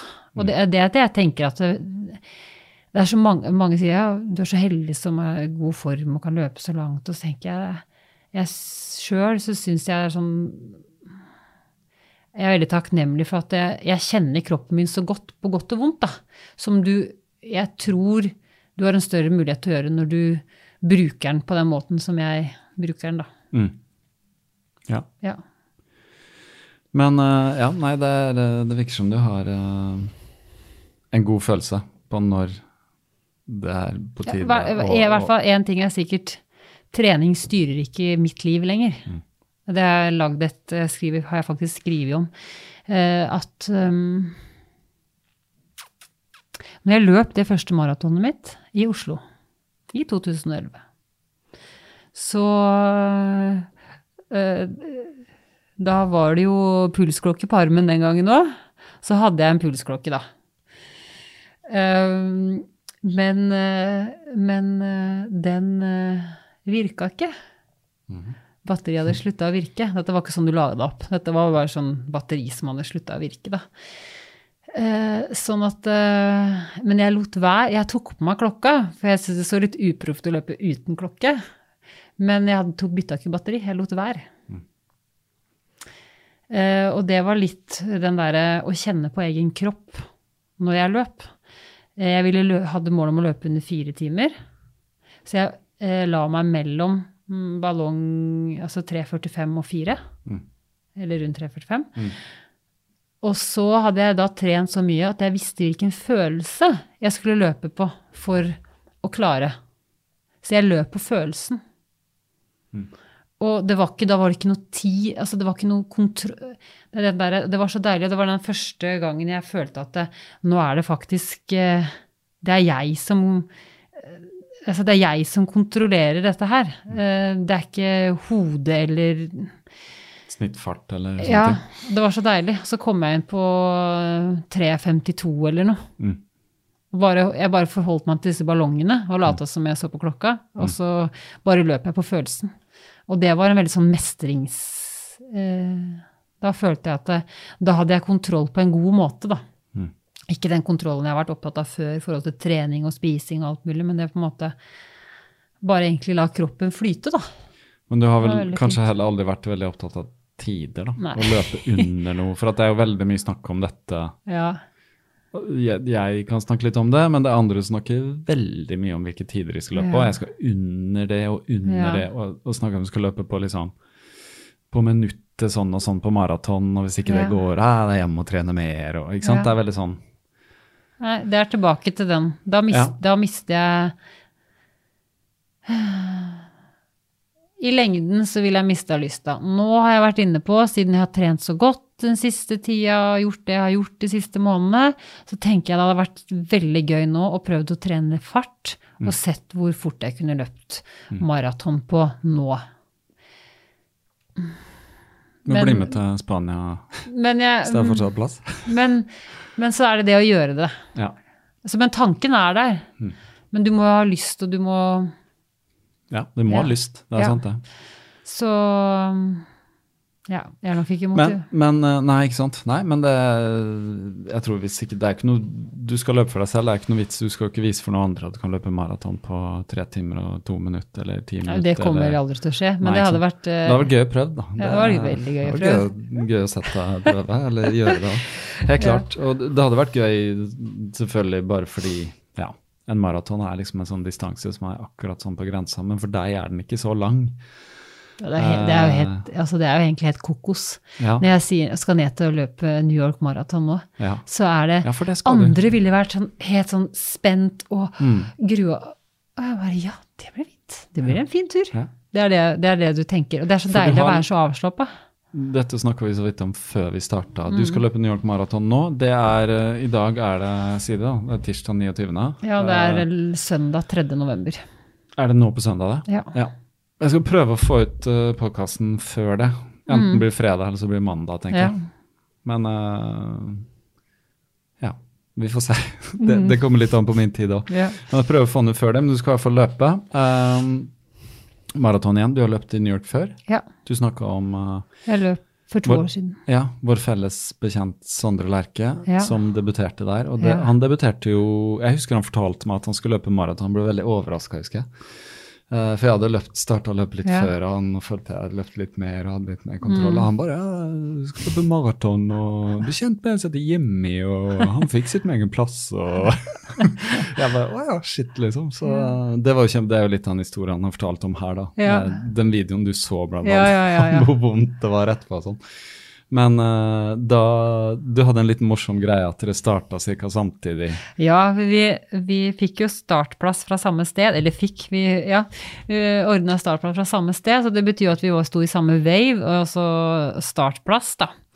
Uh, og min mann skulle jo også løpe, men han, han ble syk, så Sondre og jeg dro til start med busser og ut fra New York City, altså midt i byen, da, Times Square der, og ut. Uh, Og, og kom til dette her helt vanvittige, store anlegget, opplegget med forskjellige villager og hvor du skulle gå. Vi fant jo plass da, til å sitte og mange timer og vente. Og så blei vi jo sida inn der vi skulle starte, og med helikopter og veldig amerikansk. Og så tenkte jeg den der musikeren, tenkte jeg, han, han må jeg klare å holde følge med. Ikke sant? Eh, Det tok, jeg veit ikke, 200 meter, så tenkte jeg at hm, jeg lar nok han bare løpe. Det var utrolig eh, lette steg. Eh, og så bare forsvant den i folkemengden. Mm. Eh, så jeg så ikke han noe mer på det løpet. Han løp jo veldig godt til å være første maratonet sitt.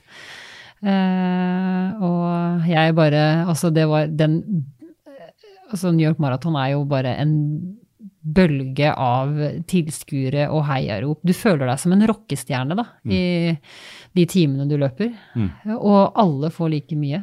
Eh, heiarop og applaus. Og det å løpe gjennom de fem bydelene syns jeg var spesielt. Jeg hadde ikke noen forventninger. Alt var liksom nytt og uh, like wow. Eh, li- løpe gjennom disse fem bydelene og se Du så så tydelig forskjell på bydelene, da. Mm. Eh, positivt og Mm. interessant. Mm. Så for meg så var det en sånn liten turistreise òg når jeg løp mellom der. Så nå gleder jeg meg til å oppleve det igjen. Eh, vise mannen min, som nå forhåpentligvis holder seg frisk til vi starter. Ja, for han har ikke løpt? Nei, han har ikke løpt da, siden ikke han fikk starte den gangen for to år siden. Skal dere Ja, dere løper kanskje ikke sammen, eller? Nei, for han er nok eh, Han løper jo maraton eh, mye raskere enn meg, så han, nok, ja. han starter nok en annen wave enn meg. Mm. Eh, Antageligvis oppå brua. Jeg starta under sist, jeg tror jeg skal starte der nå også. Mm. Altså ikke under brua, men den er jo to etasjer. Ja. Så det nedre planet, da. ja. Ja. Der de raska opp og de Ja, jeg, tror, jeg tror det, skjønner du. Ja. Men har du noe idé om farta di, eller hvordan liksom Nei, altså jeg har, jeg har lyst til å løpe så nærme 3,30 som mulig nå, da. Mm. Ja, så jeg har løpt rundt det tidligere. Mm. Eh, Et år i Oslo hvor jeg løp eh, ganske godt. eh, for, til meg å være. Så Men jeg tar det litt som det kommer. Mm. Men Men det, jeg syns det høres bra ut. ja. Ja. Ta det litt sånn det kommer. Det er det som er min plan også. Og en som spurte meg bare på en sånn Strava-kommentar om jeg hadde Ja. noen mål og sånn, så skrev jeg bare Mitt mål er å fullføre med stil, skrev jeg. Ja, ja. Eh, for det, er, det gjorde jeg ikke sist. Da var det tøft siste tid, og man møter veggen og alt det der. Mm. Men hvis jeg skal ha noe sånn tidsmål, så drømmer jeg om 3.30, jeg òg. Det gjør jeg. Mm. Men om det er realistisk den dagen jeg står der, det, det skal jeg ikke si. Men det kommer litt an på tiden fram, da. Og det er liksom derfor jeg sitter og snakker litt om du vet, tidsklemma Ikke tidsklemma, men ja tidsklemma. kalle det tidsklemma. Men du, du var ikke helt enig i det ordet, og det er godt å høre, egentlig. For at tidsklemma Du sa det godt selv, for når du sier tidsklemma, så liksom fordrer det at man er i en klem. Men man er jo egentlig ikke det. For vi har jo for at Hvis du ser litt annerledes på det, har vi hele tiden valg. da. Mm. Kan velge hva vi skal gjøre. Selv om vi har mange gjøremål i løpet av dagen, så har vi tross alt 24 timer. Og når vi Mm. ser på mye av det vi driver med, altså snakker om, kanskje om oss to, men vi mennesker da, i Ja. vanlig hverdag, så kan vi jo sose bort mye tid. Ja. Så det Se handler om den å der, gripe muligheten. se på den trackinga på mobilen, hvor mange timer du bruker på sosiale Ja, medier. ja, det er jo nesten flaut noen ganger når jeg ser at gjennomsnittet brukt på den. Mm. Så da I løpet av en uke og sånn. Snitt, Ja, inn på telefon to og en halv time hver dag og sånn. Ehm, nei, uh, tidsklem jeg, jeg tenker at jeg ikke har noe klemme. Mm. For hvis jeg tenker at jeg har en klemme, så lager jeg jo et problem som jeg må løse. Jeg har bare muligheter som eh, du må utnytte da. Mm. Og det er ikke, kanskje ikke hver dag jeg har den muligheten. For det er ikke hver dag det er lurt å trene klokka halv elleve på kvelden. Men hvis man øh, organiserer seg sånn at man har øh, vet hvor treningsbuksa og skoa og hvor la jeg fra meg tingene jeg brukte det sist, og så øh, benytte seg av muligheten når den dukker opp. Planlegge kanskje litt hjem fra, eh, i bilen på vei hjem fra jobb. Mm, At du nå skal Nå har du en time der, kanskje du skal putte inn der. Og så, og så være fornøyd med det. eh, For det du får gjort da. Mm. Men samtidig også prøve å planlegge litt at du får trening med litt lavere skuldre. For hvis du hver gang du skal trene, eh, skal gjøre det klemt innimellom nå, så kan du jo bli mindre lystbetont. Altså da blir det, da blir det stressmoment igjen. Men den balansen at noen ganger så er det godt planlagt, eh, kanskje lagt til helgene eller en fredag, eh, mens eh, de fleste øktene er på en måte ta på sparket, eh, brødskiva i handa, og så løper ut. Mm. ja. Ja. Så og så være fornøyd med det du får til. Mm. Og så ikke sammenligne deg med andre. Nei, det For alle lever forskjellige liv. Uh, og hvis du begynner å sammenligne deg med hva han eller hun på Instagram legger ut av hva de legger ned av treningsøkter, eller hvor raskt de har løpt på en, på en eh, økt, uh, så ikke gjør det. Det gjør bare vondt. og seg. Du må sammenligne deg med deg sjøl, så lenge du ikke er toppidrettsutøver og skal konkurrere på Ikke sant? Eh, det har jeg slutta med for lenge siden.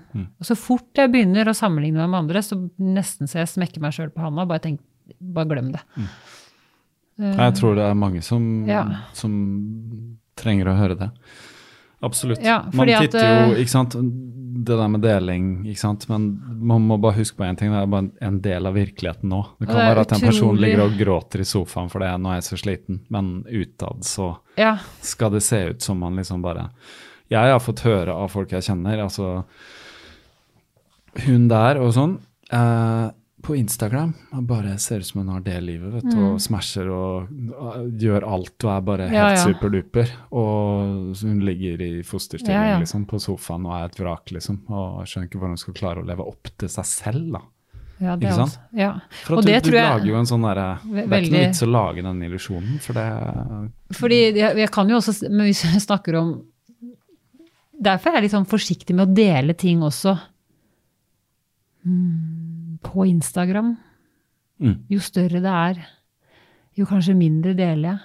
Før f.eks. Spartatlon, så kvier jeg meg for å dele nesten hvert innlegg som handla om Spartatlon. For da lagde jeg det større og lagde høyere forventninger til meg sjøl, både fra meg sjøl, men også for andre. Um, For Ja. det, når, du- når du sa nå Spartatland, kan vi ikke kanskje tiden er inne da, for å fortelle litt om det? Uh, fortell først hva det er for de som ikke vet det. Uh, hva type løp er Spartatland? Det ligger jo i navnet at det høres Ja. ut som det er et gresk eh, ja. ja. Det er et uh, løp som går fra Aten i Hellas til Sparta. Det er 246 km langt. Eh, 256 har jeg notert. Stemmer. 246. 46, det var- det sto feil der. Ja, og ja, det Sekundi skrev 256, så jeg er ikke blitt retta opp. Det er var det der jeg 246 leste km. det. Ja. Mm. Eh, Det går eh, hovedsakelig 90% på asfalt. Litt sånn hard pakka grus noen steder. Mm, og så er det over et ganske høyt fjell. Eh, Midt etter en 100 miles, altså 160 km, så skal du over ganske bratt stigning. Eh, I var varmt. Mm. Over 30 grader. I år var det varmt, så Ja, det I fjor var det ikke varmt. Da, var det jo, da hadde de et forrykende orkan som Ja. blåste. Det var, storm og regn. Stå, ja, i fjor var det ikke ja.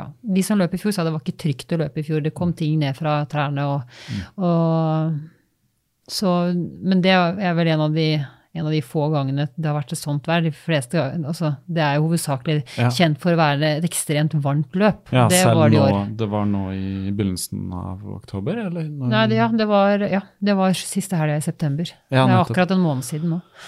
Så det er jo veldig varmt i Hellas. Jeg har vært der i oktober og varmt nok, det. Men Ja.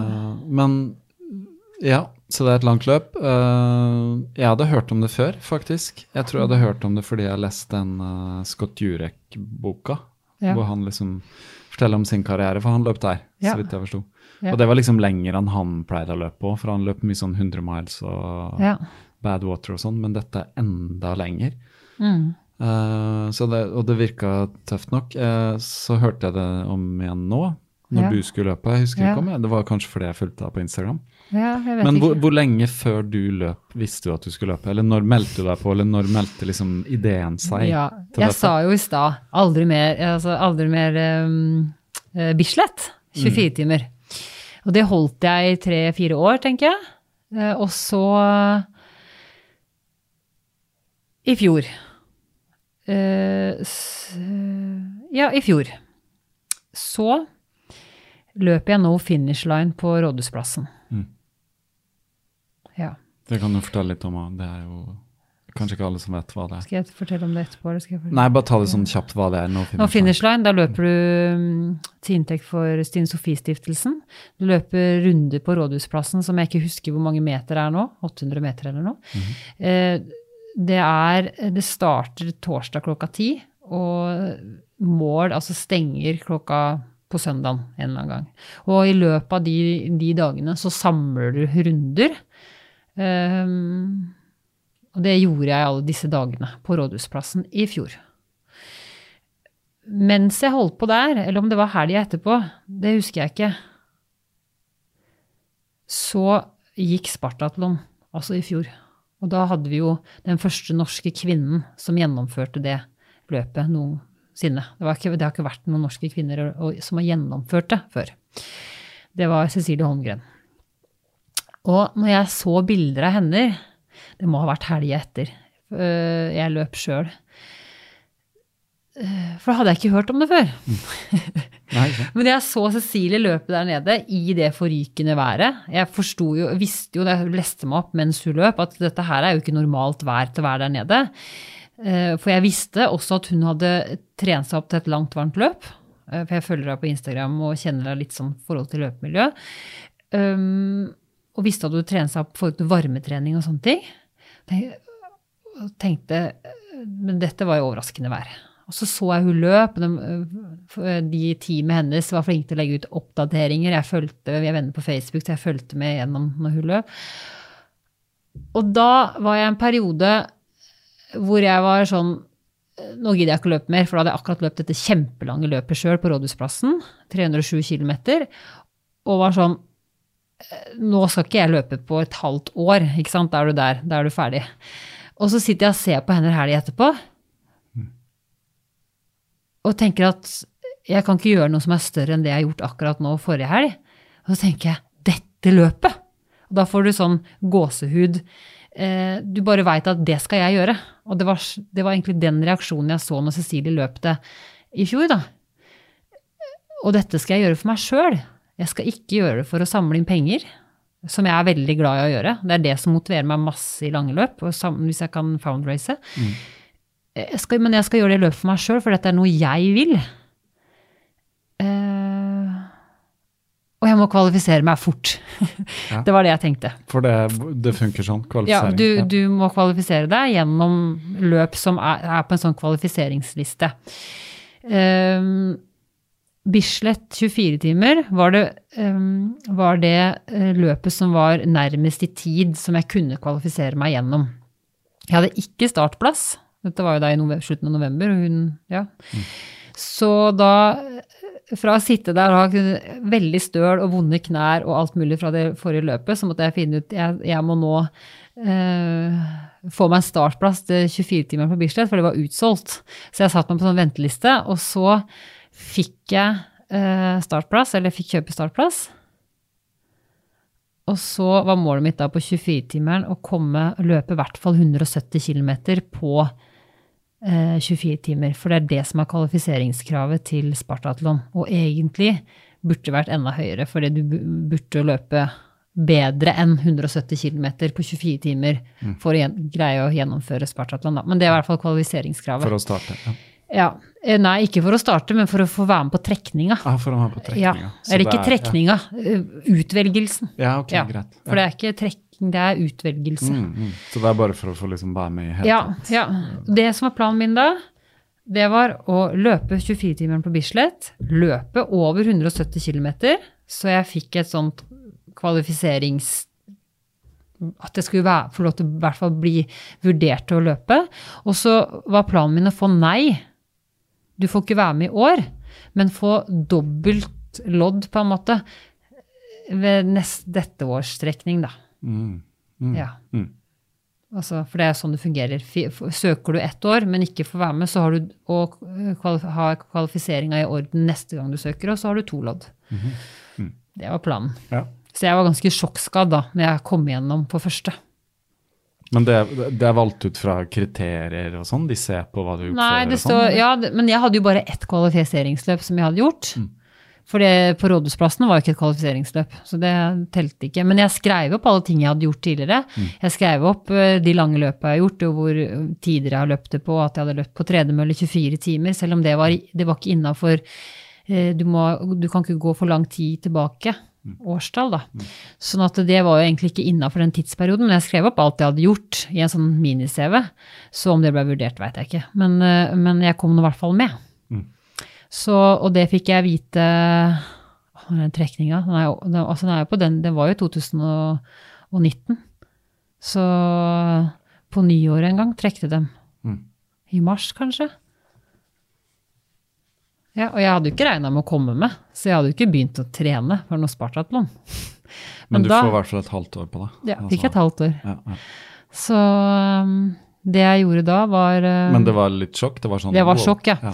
Og da var det, det, var, det, det Jeg skulle gå inn Jeg visste trekninga hadde vært, og så skulle jeg bare gå inn og så se på altså deltakerlista, da. Og så scrolla jeg meg nedover, og så ser jeg navnet Cecilie Holmgren. Og så står mitt navn under. Og så står det ett norsk navn til, som var en mann. Og så bare kjenne Det er som du mister av blodet i hele ansiktet. Og så akkurat som du får en sånn fiskebolle, en sånn glassbolle rundt hodet, mm -hmm. så hører du bare alt i vakuum. Mm. Og så hadde jeg akkurat snakka med mannen min på telefon, og så skulle jeg sjekke den startlista, eller den trekkelista, før jeg gikk inn i hallen og henta et barn på trening. Og så blei det bare vakuum i hodet når jeg så navnet mitt på lista, og så ringte jeg opp til mannen min, og så trodde jeg jeg var veldig positiv i stemmen min, og så sa jeg noe sånn som Nå håper jeg du sitter, for nå kommer jeg med en nyhet som sikkert får deg til å svime av. Og så, så sa jeg hva det var, og så bare la han på.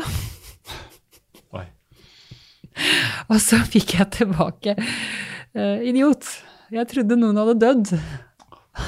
Fordi da hadde jeg sikkert eh, hatt en sånn stemme. Ja, ja, ja, En rett, altså en Stemmen min var ikke glad som jeg trodde det hørtes ut som. Nei. Jeg hørtes antageligvis livredd ut. Ja, Gravalvorlig. Ja, det var Og så jeg bare Ja, så det var masse følelser og eh, Ja. Eh, Men du hadde fortsatt lyst? Jeg hadde fortsatt lyst, ja. Ja. Men dette har gått opp og ned. Mm. Så uh, var planen min da, for, her kommer vi på treningsplan da, forhold til Spartatlon. Det var, fordi i min hverdag så har jeg ikke mulighet til å løpe 20 km hver dag. Sånn som noen gjør. Jeg har ikke mulighet. Uh, og jeg, det går utover ting jeg ikke vil at det skal gå utover. Så jeg tenkte, jeg bruker lange løp som opptrening. Første lange løpet jeg skulle løpe, det var um, Soria Moria verdens ende eh, som jeg løp og gjennomførte.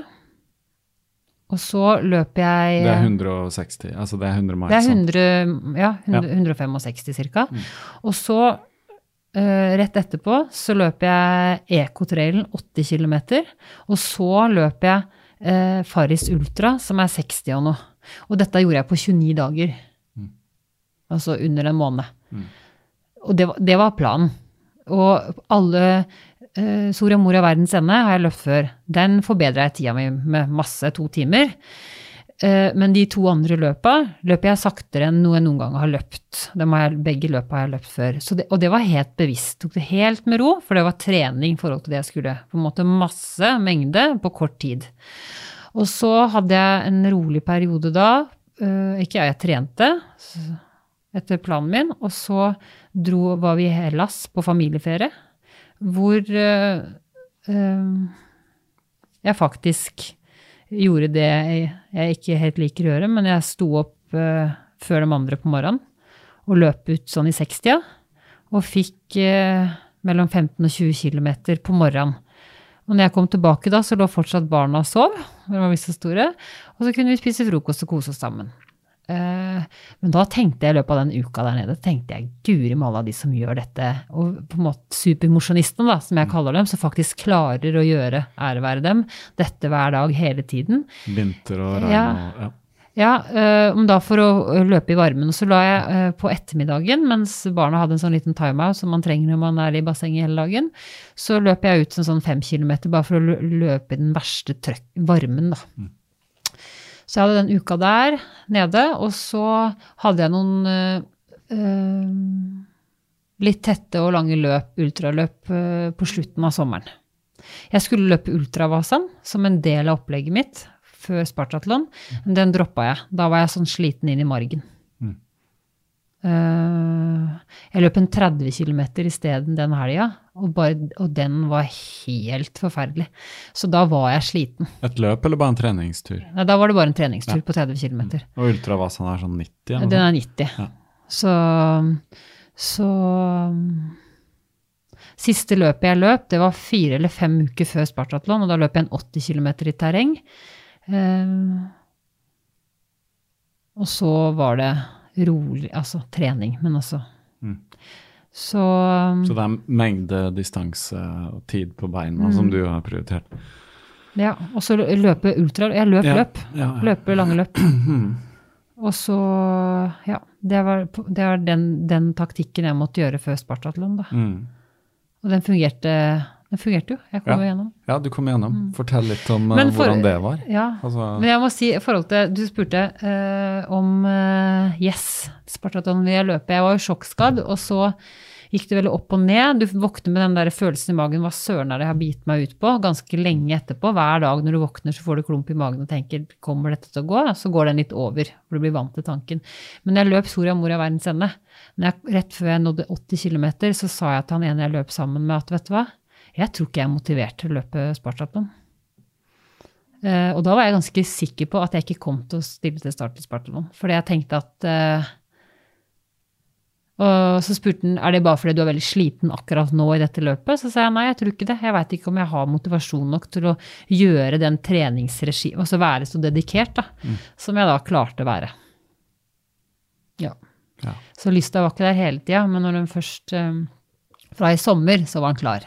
Da og du følte at, ja, du følte at du Var sterk ja, var- nok psykisk. Jeg har alltid sagt Jeg sier Jeg ser på meg sjøl jeg, jeg tror alltid at jeg kommer gjennom et løp. Når jeg stiller til start, om det er 100, ja, 100 miles, 80 km, så tenker jeg at jeg, jeg kommer i mål uansett. Jeg bare veit at jeg kommer gjennom. Eh, og ikke en, å gi seg er ikke en mulighet, så lenge ikke du er skada eller går ned for telling. Så du kommer i mål. Og det gjør at jeg har en annen tankegang når jeg løper. Altså, du skal i mål, og så tar du bare Du tar, du tar ikke hele løpet i en jafs, du bare tar bit for bit, da. Eh, det kunne jeg ikke gjøre med Spartatlon, og det var det jeg gruer meg så innmari til. For jeg visste at der er det ikke bare jeg som kan stå på startstreken og tenke at du kommer i mål. Fordi der er det så innmari harde tidskrav. Ja, det du kan faktisk bli bare, ja, du kan bare faktisk bare bli tatt ut. Se hvor du, godt du syns du sjøl løper. Og du i teorien hadde klart å komme til Sparta på under 36 timer, så kan du faktisk bli tatt ut på 50 fordi du ikke har løpt eh, raskt nok til de cutoff-tidene som er på de første 80, som er veldig tøffe, da. Hvor mange på en måte sjekkpunkter skal du gjennom da? På de 75, og så 75 er mål, da. Så 74. Ja. Mm. Det er ganske mange, altså. Så de følger veldig Men er det sånn elektronisk? eh, Ja, du løper forbi sånne Er det sånn som i vanlig løp, at du har et startnummer med Ja. sånn sjekk? Ja. Ja. Men det er ikke elektronisk eh, på alle. Den første var på 20, tenker jeg. Mm. Og så 40, altså maraton, da. Eh, Og så var det ikke helt logisk alle de andre. Det var, mest, det var nok logisk forhold til tilgjengelighet, forhold til plassering. Men det gikk på sånn 60, var det 80 Nå husker jeg ikke alle de etter der, Nei, nei. men det var Men de var um, det var, eh, Og så noterte de, spesielt etter 80 km, så var det også manuell notering. De var veldig opptatt av å se startnummeret ditt, Mm. og for å ha en oversikt over hvem som hadde kommet inn, da, der det ikke var sånn tidtagning eller registrering. Da. ja, fordi det er litt sånn for å sjekke at folk faktisk Ja, for det er jo, det er jo checkpoint Ja, det også. Ja, for det var noen som la seg ned midt på natta der i noe. eh, Som, eh, så det er fint for de som arrangerer det, å ha kontroll på om det er noen ute som ikke Mm. hvor, har hvor mange er det som starter i dette løpet? Eh, litt over 300, Ja, det er ikke så mange. jeg. Nei, nei, det er ikke det. Så Men er det trygt i forhold til veien og sånn? Er det trafikkert, og er, er det sånn det, Ja, det eh, for de sånn første 20 km så løper vi på veldig trafikkert. Det er som å løpe på E18. Oi. ja. men de, de har jo satt opp kjegler og markering, så du har på, bilene skal ikke komme innafor der. Mm. Men, men du, da løper vi jo ganske tett, mm. eller mange. Så noen Jeg syns Vi var litt nærme bilene noen ganger, men Mm. vi visste jo om dette på forhånd, at vi må, det må man, man må passe seg. Jeg hadde også løp, lest ganske mange løpsrapporter hvor det ene jeg leste, var faktisk en som måtte, så en som måtte bryte fordi han hadde blitt påkjørt av en bil. Ikke sånn alvorlig, men nok til at du ikke kunne fortsette å løpe. Jeg tenkte det skal i hvert fall ikke være meg. Og så er det ikke lov å løpe med musikk eller headset eller noen form, og det er uh, hovedsakelig pga. sikkerhet, men også pga. pacing, altså at ikke du skal kunne bli um, Ja, få hjelp på øret, da. Ja, men men det er, de sier det er pga. sikkerhet, fordi Ja. du må ja, orientere deg. Men uh, så kan, løper jo på mye landeveier, og, og der var det egentlig bare supportbilene som var de bilene som kjørte, da. Mm. Da gikk det jo rolig. Men hvordan er det med supporten der? Er det, Ja, det, kun, kunne du ha noen, eller legger ja, du ut ting? man kunne eller? ha support, men det hadde ikke, jeg hadde ikke support. Mm, mange som hadde support, men de kunne komme inn på 11 stasjoner av de 74, 75 stasjonene. Så kunne de komme inn på sånne store aid-stasjoner hvor, eh, hvor, eh, hvor det var plass til at alle bilene kunne komme inn og, og kunne følge opp løperne sine. Og så var det også eh, stasjoner som det var mer uh, medisinsk hjelp da, for de som trengte det. Og ikke at det måtte bryte, men alt fra plaster til bandasje til ja. Så, og så var det mindre stasjoner, og alt dette hadde du en oversikt over på forhånd hvor var. da. Og så var det jo det å finne ut da, eh, siden jeg ikke hadde support, hvor skal hodelykta mi ligge igjen? Hvor skal de varme klærne ligge igjen? Eh, Fordi du måtte ha hodelykt og refleks før det ble mørkt, for ellers så ble du diskvalifisert. Så og jeg var veldig heldig med å legge ut ting på riktige steder. Jeg visste jo ikke hvor jeg kom til å være til enhver tid, men jeg, men jeg visste jo cirka hvor hvilken tid jeg kom hvilken fart jeg greier å holde, og hvor jeg kom til å være da. Så jeg hadde lagt ut uh, gans, på ganske riktige steder. Så jeg måtte f.eks. ikke løpe med hodelykta mi veldig lenge før det ble mørkt. Så Men eh, så når du løp, så hadde du Det er ikke noe sekk, og du hadde bare hadde Nei, vannflaske? eller jeg er vant til å løpe med, mye med sekk, men siden det var stasjoner hver tredje til femte kilometer, Mm. så hadde jeg en sånn liten um, flaske på hånda Mm. som er som stroppa fast, da. Em, som jeg hadde, den tar 2,5 dl. Eh, Som jeg fylte opp, passa på at jeg har den, men så var det der så ofte, du kan ta til deg. Så, men gjennom natta så hadde jeg en sånn liten, enkel eh, sekk på ryggen, en sånn veldig lett løpesekk. Eh, fordi da var det greit å ha med seg vindjakke og sånne ting. Jeg hadde ikke den på meg. Vi var veldig heldige med temperaturen på natta. Den gikk ikke ned fire grader, som, eller sånn null, som det kan gjøre. Så vi, jeg løp jo nesten i singlet hele natta. Jeg tok på meg en liten sånn eh, supertrøye. Men det, det var godt å ha den sekken, så du har noe ekstra. For det, Det er bare en sånn lett løpesekk. Ja. Og den kunne du, men du hadde rett og slett lagt ut Du hadde lagt ut Ja. disse tingene òg? La det kanskje fra la deg ut åtte steder, ja. Ja. Og da får du det sendt dit, liksom? Ja, Altså, ja, det er organisert ja, sånn? Kjempeopplegg. Eh, og la det i sånne pappesker som var satt ut dagen før, som vi Mm. putta oppi. Og så ble de kjørt ut til de forskjellige stedene, og det var helt lina opp. Og de fleste stedene så sto de klar med eh, bagen, eller posen din, da. Med nummer, for du hadde nummer, tatt satt nummer på det. Når du kom, så de bare ga deg det. Jeg tror det var ett sted jeg, som jeg måtte spørre etter. Eh, så de hadde kontroll eh, på hvem som var ute i løypa, og hvem som kom inn. Og så Siste jeg tenkte på, at jeg skal jo kle av meg på morgenen. Det blir jo varmt igjen. Så da hadde jeg lagt ut noen poser som var tomme, bare. eh, Som jeg kunne putte klær oppi. Og hodelykt og sånne Siste morgen, liksom? Ja. På morgenen For, hvordan er det dere starter når på dagen? Det starter klokka sju på morgenen. Ja. Og Så- så, så du Det er bare én natt du løper gjennom? Det er For cutoff-tiden i mål er da klokka sju på kvelden. Ja. På lørdagen. Så Altså det ett og et halvt døgn. 36 timer. Ja. Ja. Så det er ganske sånn Du må holde farten. Hvor mange er det som må bryte pga. I år så var det Vi var eh, 50 ja, Halvparten gjennomførte, da. Mm. Så halvparten måtte gi seg. Eller ble tatt ut? Ja, ble Ja. tatt ut. Det er jo Ja, de fleste Sånn, eh, Jeg hadde på forhånd så Noe av forberedelsen min var å lese disse løpsrapportene, og det eh, Jeg fikk også god veiledning av Eyolf, som har løpt eh, norsk mann som har løpt den 15 ganger før. Eh, av å, de, å løpe seg inn på de 80 første kilometerne for å på en måte løpe inn cutoff-tid, da var det mange gode løpere tidligere som har brent seg på. Fordi at da får du, kan, får du det tøft seinere i løpet, og kanskje gjør at du må bryte seinere fordi du har gått ut for hardt. Da. Så det å ligge på cutoff, at ikke man skal stresse av det. Men jeg var et, altså en periode var jeg fem minutter fra cutoff, og da begynte jeg å forberede hva skal jeg si når jeg kom hjem. Hva, hvorfor kom ikke mamma i mål? Hvorfor ble jeg tatt ut, og hva var det som skjedde? Og så tenkte jeg dette kan du ikke løpe her og tenke på nå. Nei, men det er Nå- som man gjør, da. Ja, så tenkte jeg, men da, det gjør jo bare at alt Ja. Da har du jo gitt Da, Ja. jeg, da begynner du å gi opp. Men det er bare, jo ikke å leve i nuet, for å si det sånn. Når Nei, du begynner å tenke på fremtiden og hva Nei, så tenkte jeg bare dette går ikke. Jeg kan ikke tenke på hva jeg skal si hjemme. Jeg har jo ikke blitt tatt ut. Nå skal jeg bare løpe eh, så fort jeg kan. Og det verste som kan skje, er at jeg må få litt intravenøst i armen fordi du går helt tom. Men det skal jeg søren meg overleve. Mm. Da hadde jeg løpt 50 km.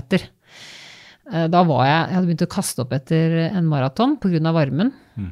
Uh, Så da kom det kanskje drikke litt for mye også, for jeg var så redd for å ikke ta etter meg nok. Så det er jo den balansen på å drikke nok, men ikke for mye.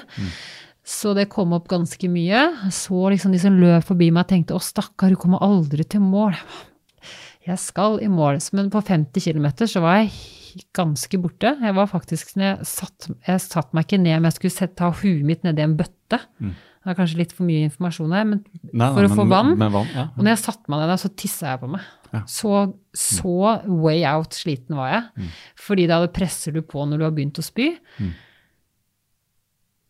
Og så øh, var det isbiter, iskaldt vann, og så tenkte jeg får bare la det stå til. Og så løper jeg, og så husker jeg ikke så mye før jeg kommer til Korintbrua. Rett før 80, ja, er 80 km.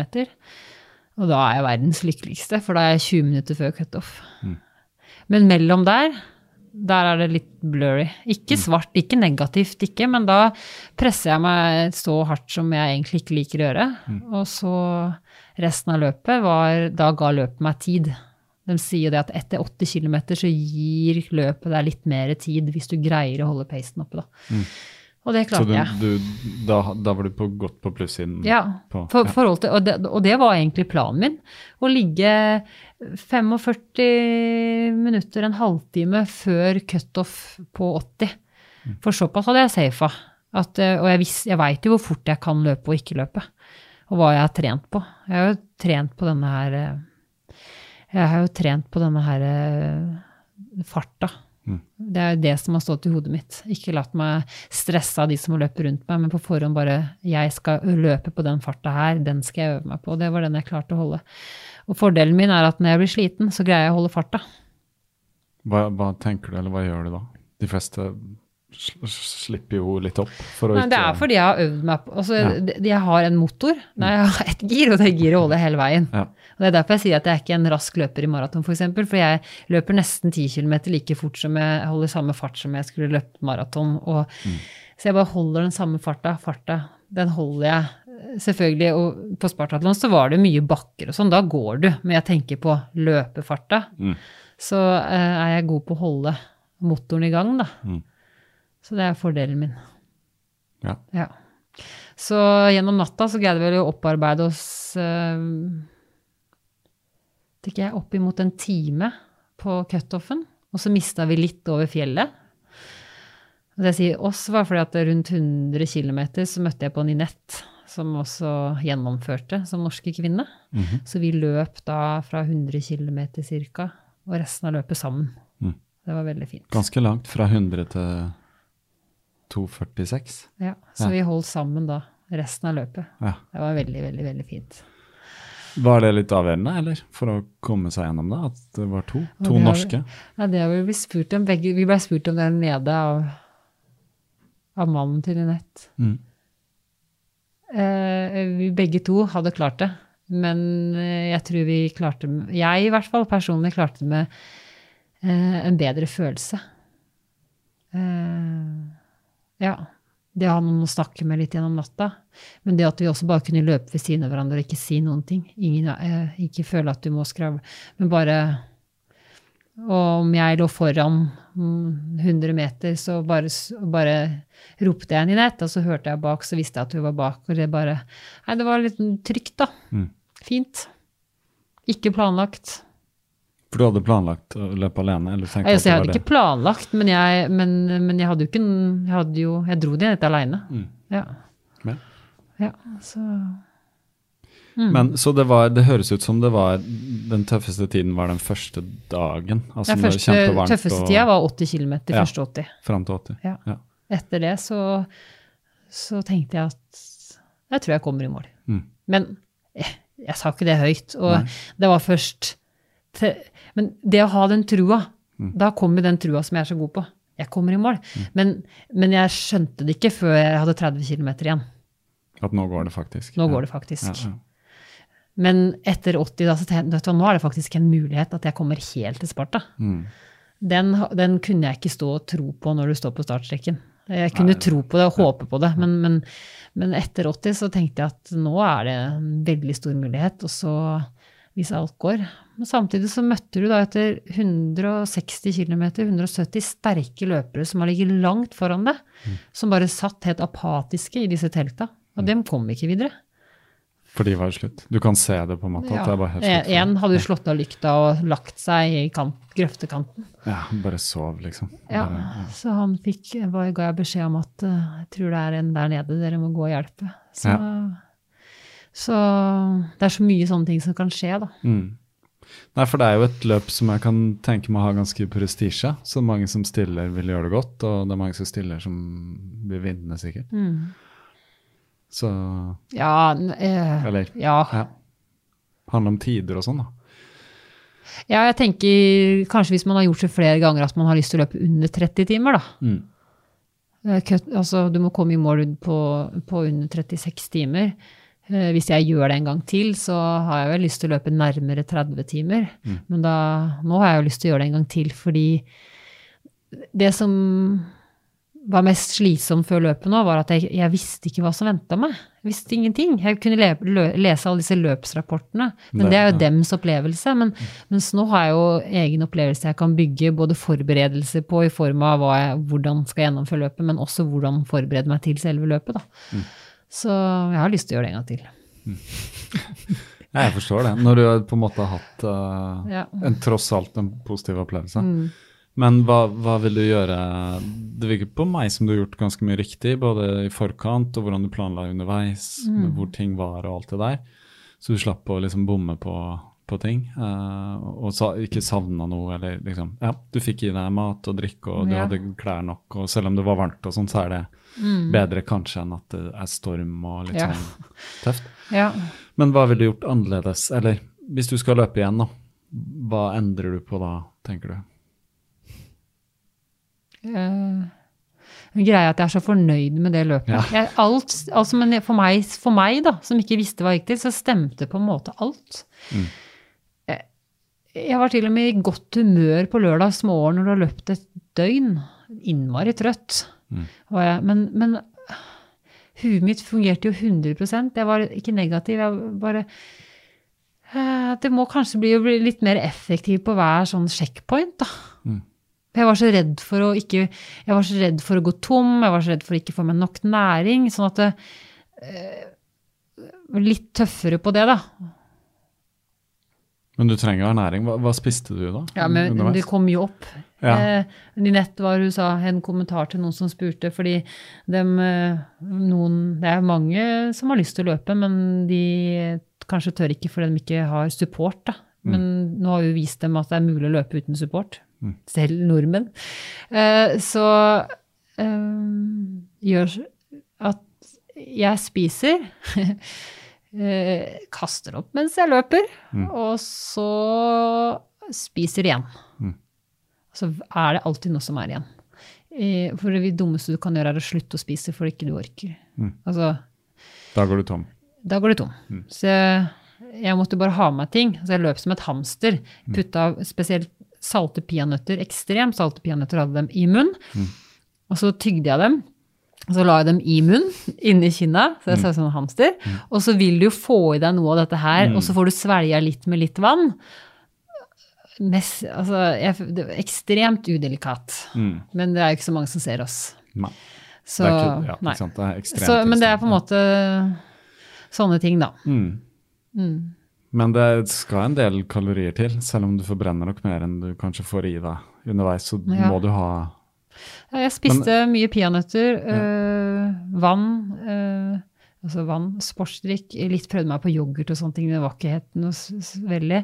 Litt sånn, jeg prøvde å spise nesten alt jeg ble servert, altså når det var plutselig baguetter, eller øh, spiste litt kjøttkaker, et eller annet, sånn, og poteter og egg, og bare litt, det høres ut som nå masse, men bare litt. mm. Men det var først eh, ja, vet ikke, fire timer igjen av løpet. Så begynte jeg å kjenne på den sultfølelsen. At jeg var sulten. Ikke tom, men sånn at du har sånn Jeg er sulten i magen. Mm, mm. Så det, og det var, altså, når, Da var det bare fire timer igjen, så det var ikke noe. Da bare spiste jeg, og så gikk den bort. Men, Så jeg følte meg ikke sulten før det. Så jeg hadde nok nok i næring Ja, ja. inne. Og med all trening også har man lært seg riktig forbrenning og sånn. Ja. Men, hva, men med tanker og sånne ting, var, det på no, altså var det på noe punkt hvor det er sånn Hvor negativt blir det det bare, når man er sliten og Men det ble ikke negativt. Det ble ikke det? Det er så klisjé, for det er noen som har spurt meg hva var den mørkeste perioden i løpet. For det er jo noen som syns liksom Og det har jeg hatt, men jeg hadde det ikke. Mm. Og det var helt fantastisk. Det, men jeg tillot ikke meg å ha det heller, da. Altså den mest som jeg ikke hadde kontroll på, var den at når jeg var trøtt på lørdagsmorgen, altså når jeg hadde vært våken et døgn, den hadde jeg ikke helt kontroll på. Den bare Trøttheten bare legger seg over deg, og den slipper ikke og slipper ikke, og du dupper med øya når du løper. Men hodet mitt var positivt hele tida. Mm. Det Du visste at du på en måte kom deg gjennom den trøttheten? Den kommer vel i bølger? Ja. sånn. Nei, det, ja. Men, men uh, Ja. Altså, hvis, hvis det svarteste øyeblikket, sånn bokstavelig talt, må jo være mellom 50 og 30, da. Mm. Fordi da husker jeg ikke så mye. ja, 50 og 80. Ja, men Ja, ja, 50-80. ja, ja, ja. Det er litt sånn deilig å ikke huske så mye heller. da. Eller du går inn i en sånn sone. Det jeg husker bare- at jeg gjorde da, etter 50 et eller annet sted der, var at jeg så eh, to legger foran meg eh, med tatovert Spartatlon-symbolet. Som veldig mange som har gjennomført Spartatlon, tatoverer jo det bak på leggene. Eller andre steder på kroppen, men bak på leggene. er Veldig populært blant de som har gjennomført. Og han som løp foran meg, mm, han hadde en, en tatovering på hver legg. Så jeg tenkte Og da hadde jeg begynt å stresse litt, ikke sant? for jeg måtte jo komme fortere. Og så tenkte jeg hm, han har gjort dette før. Han holder en veldig fin hastighet. Hvis jeg bare følger de leggene, han veit sikkert hva han holder på med. Det husker jeg jeg tenkte. Eh, han kunne jo Altså, det er jo Man kan jo ha gjennomført før og ikke klare det. Men, men greia er at jeg så igjen, så igjen de leggene rett før mål. så han visste hva han holdt på med. Ja, ja, han holdt igjen fart. Ja. Så fordi, fordi jeg, da hadde jeg begynt å stresse, men så tenkte jeg ok, han stresser ikke, men han har egentlig like dårlig tid som meg. Mm. Eh, og det fikk meg til å roe meg litt ned. Og så Ja. Det, var, det er de få sånne småting jeg husker, da. Ja. Nei, men det For en utrolig bragd, altså. Det er jo Ja, jeg er ganske Ja. han, han, Jeg ble litt nysgjerrig på han som har løpt uh, 15 ganger. ja. Nei, Ja, for det, ja, det sto altså det, Jeg kan linke til det, en liten sak Mm. på Kondis uh, om det her. Men det sto at han brøt i år, faktisk. Ja, han har stilt til start uh, Ja. Han har gjennomført 15. 15, Ja. Og stille til start 17, kanskje. da. Ja, ja. to ganger han ikke har. Og den ene gangen var nå i år. Eh, Jeg kjente jo ikke denne mannen Eyoff når vi kom ned. Eh, Han åpne armer. Eh, og han er jo liksom litt minikjendis ikke liksom, Han er minikjendis der nede i Spartatlon-miljøet. Alle, når du har løpt så mange ganger Han er en av få. Det er noen som har løpt oppimot 20. Men altså de, alle veit jo, virka det som, om hvem disse var. I hvert fall de som har vært der noen ganger før. Og, og det var han ikke høy på i det hele tatt, for å si det sånn. For han altså åpna armer og viste og forklarte og, og fortalte uh, om egne erfaringer. Og jeg bare sugde jo til meg. Satt meg ved siden av han på frokostbordet og ikke sant, mm. lunsj og middag. Og ikke bare fordi at jeg skulle ha utnytta det, det var en veldig hyggelig mann å være sammen med òg, Mm. Og, og fortalte, og det var han som sa en av de viktigste tinga før jeg starta. Som jeg hadde hatt en anelse sjøl, men det var ikke konsentrere deg om de 80 første, heller ikke om å komme i mål, men ta ett checkpoint av gangen. Det er det eneste du skal tenke på. Du skal tenke på neste checkpoint. Neste checkpoint. Ikke tenk framover. For den, den tida Altså, konsentrer deg om når du skal være på neste checkpoint. Ikke begynn å kave med tida langt framme, eller mål i morgen. Og det gjorde jeg utelukkende. Det var jo perioder ikke jeg hadde visste eh, Det var spesielt etter 80 km, så visste jeg ikke alltid hvor langt jeg hadde løpt. Jeg hadde, bare, jeg hadde heller ikke GPS-en på klokka mi, jeg hadde bare som viste klokkeslettet. For det var lettere for meg da å følge checkpoint-tidene. Og det sto jo på hver stasjon hvor langt du hadde løpt, eh, hvis du ville vite det. Men, eh, og det, det, måtte, det gjorde nok at jeg tenkte som jeg gjorde. Det Jeg tenkte aldri at eh, å, nå har jeg løpt eh, 100, nå er jeg 140 igjen. Det dreper jo det, Ja, ja. ikke sant? Så, så jeg sånn, konsentrerte meg om det hva han sa. Checkpoint for checkpoint, og tida du skal være der. Mm. Ikke noe annet. Gled deg til neste. Gled deg til de små tinga du kan få på neste checkpoint. Uh, det er det du skal konsentrere deg om. Mm. Og det gjorde jeg. Og det funka. Det funka. Ja, det var litt flaks da, at du fikk litt Ja, det var altså ja. flaks kan man ha. Og så han, han eh, brøyt jo Eller ikke brøyt, han ble tatt ut da, før liksom, før- litt av maraton. Mm. Så han isteden for å dra til hotell og Mm. være lei seg eller noe sånt, det var han jo ikke. Han eh, skifta og heiv seg i bilen eh, med mannen til Cecilie Holmgren og fulgte løpet gjennom eh, natta. Egentlig. Så vi hadde ikke support, men jeg hadde løpt rundt 100 km, så står han og kommer til en sånn liten gresk, koselig landsby, en litt større sjekkpointstasjon. Mm. så står han der og heier med armene over hodet og 'Kom igjen, er det noe du trenger?' Og vil gi meg vann og sånn. Og da ble jeg bare 'Tusen takk, men du må ikke gi meg noen ting, for jeg har ikke registrert uh, support crew.' 'Så hvis du gir meg noe nå, så blir jeg diskvalifisert.' For hvis, hvis du hadde supportcrew som på en måte skulle gjøre ting for deg, som ikke var de som eh, frivillig da, som jobba der eh, så, Jeg veit ikke om de hadde vært så strenge, men jeg var jo livredd for å bli tatt ut pga. sånne tullete ting. Ja. Så han måtte bare stå og se på, jeg drakk med han. Vi snakka sammen, da. Så det var eh, Og han var der, og Ninette òg var der, han møtte, og, og Johan og han kjørte da gjennom natta, og vi så dem på flere av disse her store checkpoint-stasjonene. Og det var jo litt motiverende at det faktisk sto noen nordmenn der da, og heia på det. Men de fikk ikke lov å hjelpe oss, for siden ikke de var vårt, mm. eller registrert Crew, liksom. ja, på oss, da. Så- Men eh, jeg har jo sett litt uh, bilder og sånn, uh, og det virker som det må være Det virker som kanskje den største løpsopplevelsen jeg har hatt, eller? Ja, Eh, jo, ja. ja. så, ja altså, eller det er kanskje vanskelig å sammenligne, men Ja, det blir litt sånn urettferdig i forhold til de andre løpa jeg har løpt. For jeg har, fått, jeg har vært så heldig for å ha gjort så mange store, flotte løp. da. mm, Ikke plasseringsmessig, eh, men det der eh, å løpe på den tredemølla for å samle inn penger til syriske, altså syriske barn på flukt. mm. Det du ikke gjør for deg selv. sånn. Ja, det, altså det var eh, det, Jeg tenkte etter det løpet ingenting som kom.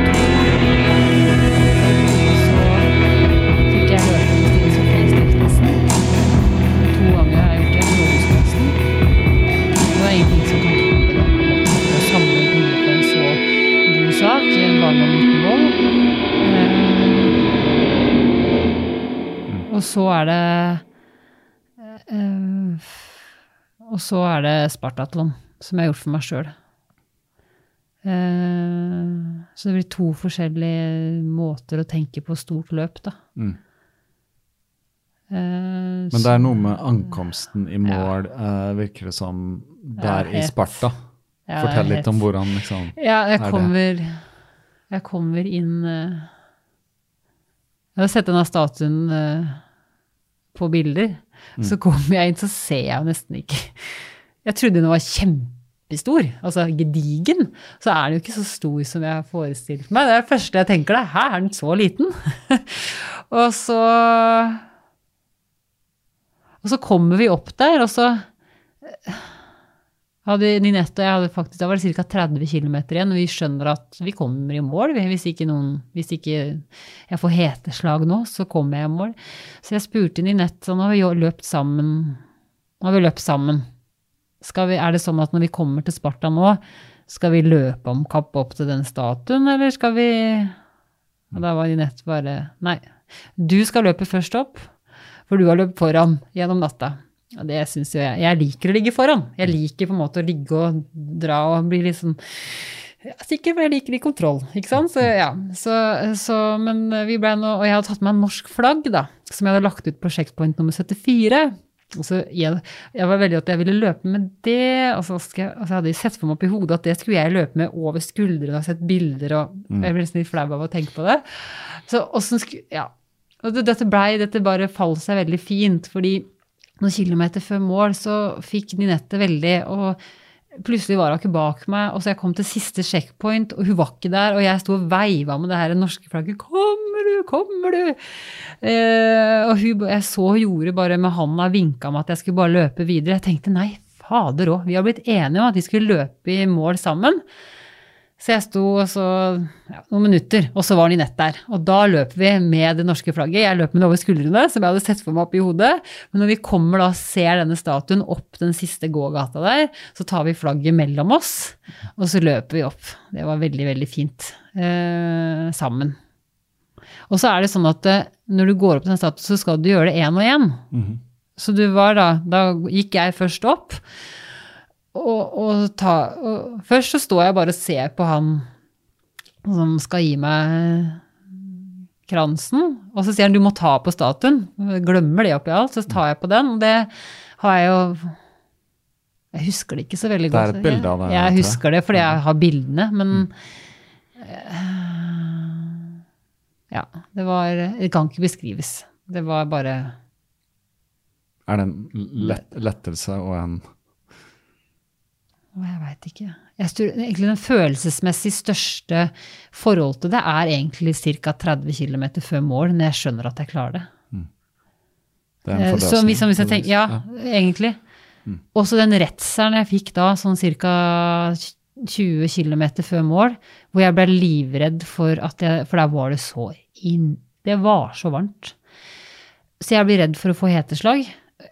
Kanskje ikke rasjonelt i det hele tatt, men eh, da tar litt den derre hjert... Altså litt sånn angst, nesten. For at tenker om jeg får heteslag her nå, og så kommer jeg meg ikke i mål. Jeg var jo 20 km igjen. Så jeg var litt sånn tullete redd, egentlig. Men jeg skjønte, når alt dette bare løsna det, det er egentlig den, Hvis vi snakker om følelser, da. For da jeg kom i mål da, så var det bare det er sånn uvirkelig. Den greier jeg ikke å helt sette ord på. Eh, og så går vel ting veldig fort. Hilse på han Han er ikke ordfører, men eh, ja. Det, I, I den byen. ja. Ja. Um, og får kransen og hilser og sier noen ord, og så skjer alt veldig fort. Du blir bare Da kommer det en sånn medical dame som tar og fører meg bort, som skal vaske beina dine. Um, så du bare blir plassert på en stol og tilbyr drikke, mat, ting jeg ikke greide å svare på om jeg skulle ha eller ikke. Og så tar de av deg skoa. Jeg har for- jeg har jo på forhånd sagt at uansett hva de gjør når de vasker beina dine, ikke la dem stikke hull på hvis du har fått vannblemmer. Fordi det er så stor infeksjonsfare. Og det ville de selvfølgelig gjøre. Og jeg sa bare nekta. Men de vaska beina mine. Jeg hadde fått noen gedigne vannblemmer. Eh, eh, Men vaska og satte på meg sånne engangstøfler. Og så fikk de lagt meg ned på en seng. For det som skjer etter lange løp med meg, er at jeg, jeg holder helt til jeg er ferdig. Så tar det ca. fem minutter, og så blir jeg svimmel, og så begynner jeg å kaste opp. Sånn. Det gjør jeg egentlig alltid etter lange løp. Uten at jeg, jeg har ikke kjent på den på slutt, men det er bare en sånn reaksjon. Så da fikk jeg ligge der, og så bestilte de altså på en sånn feltseng. Mange andre som lå ved siden av meg.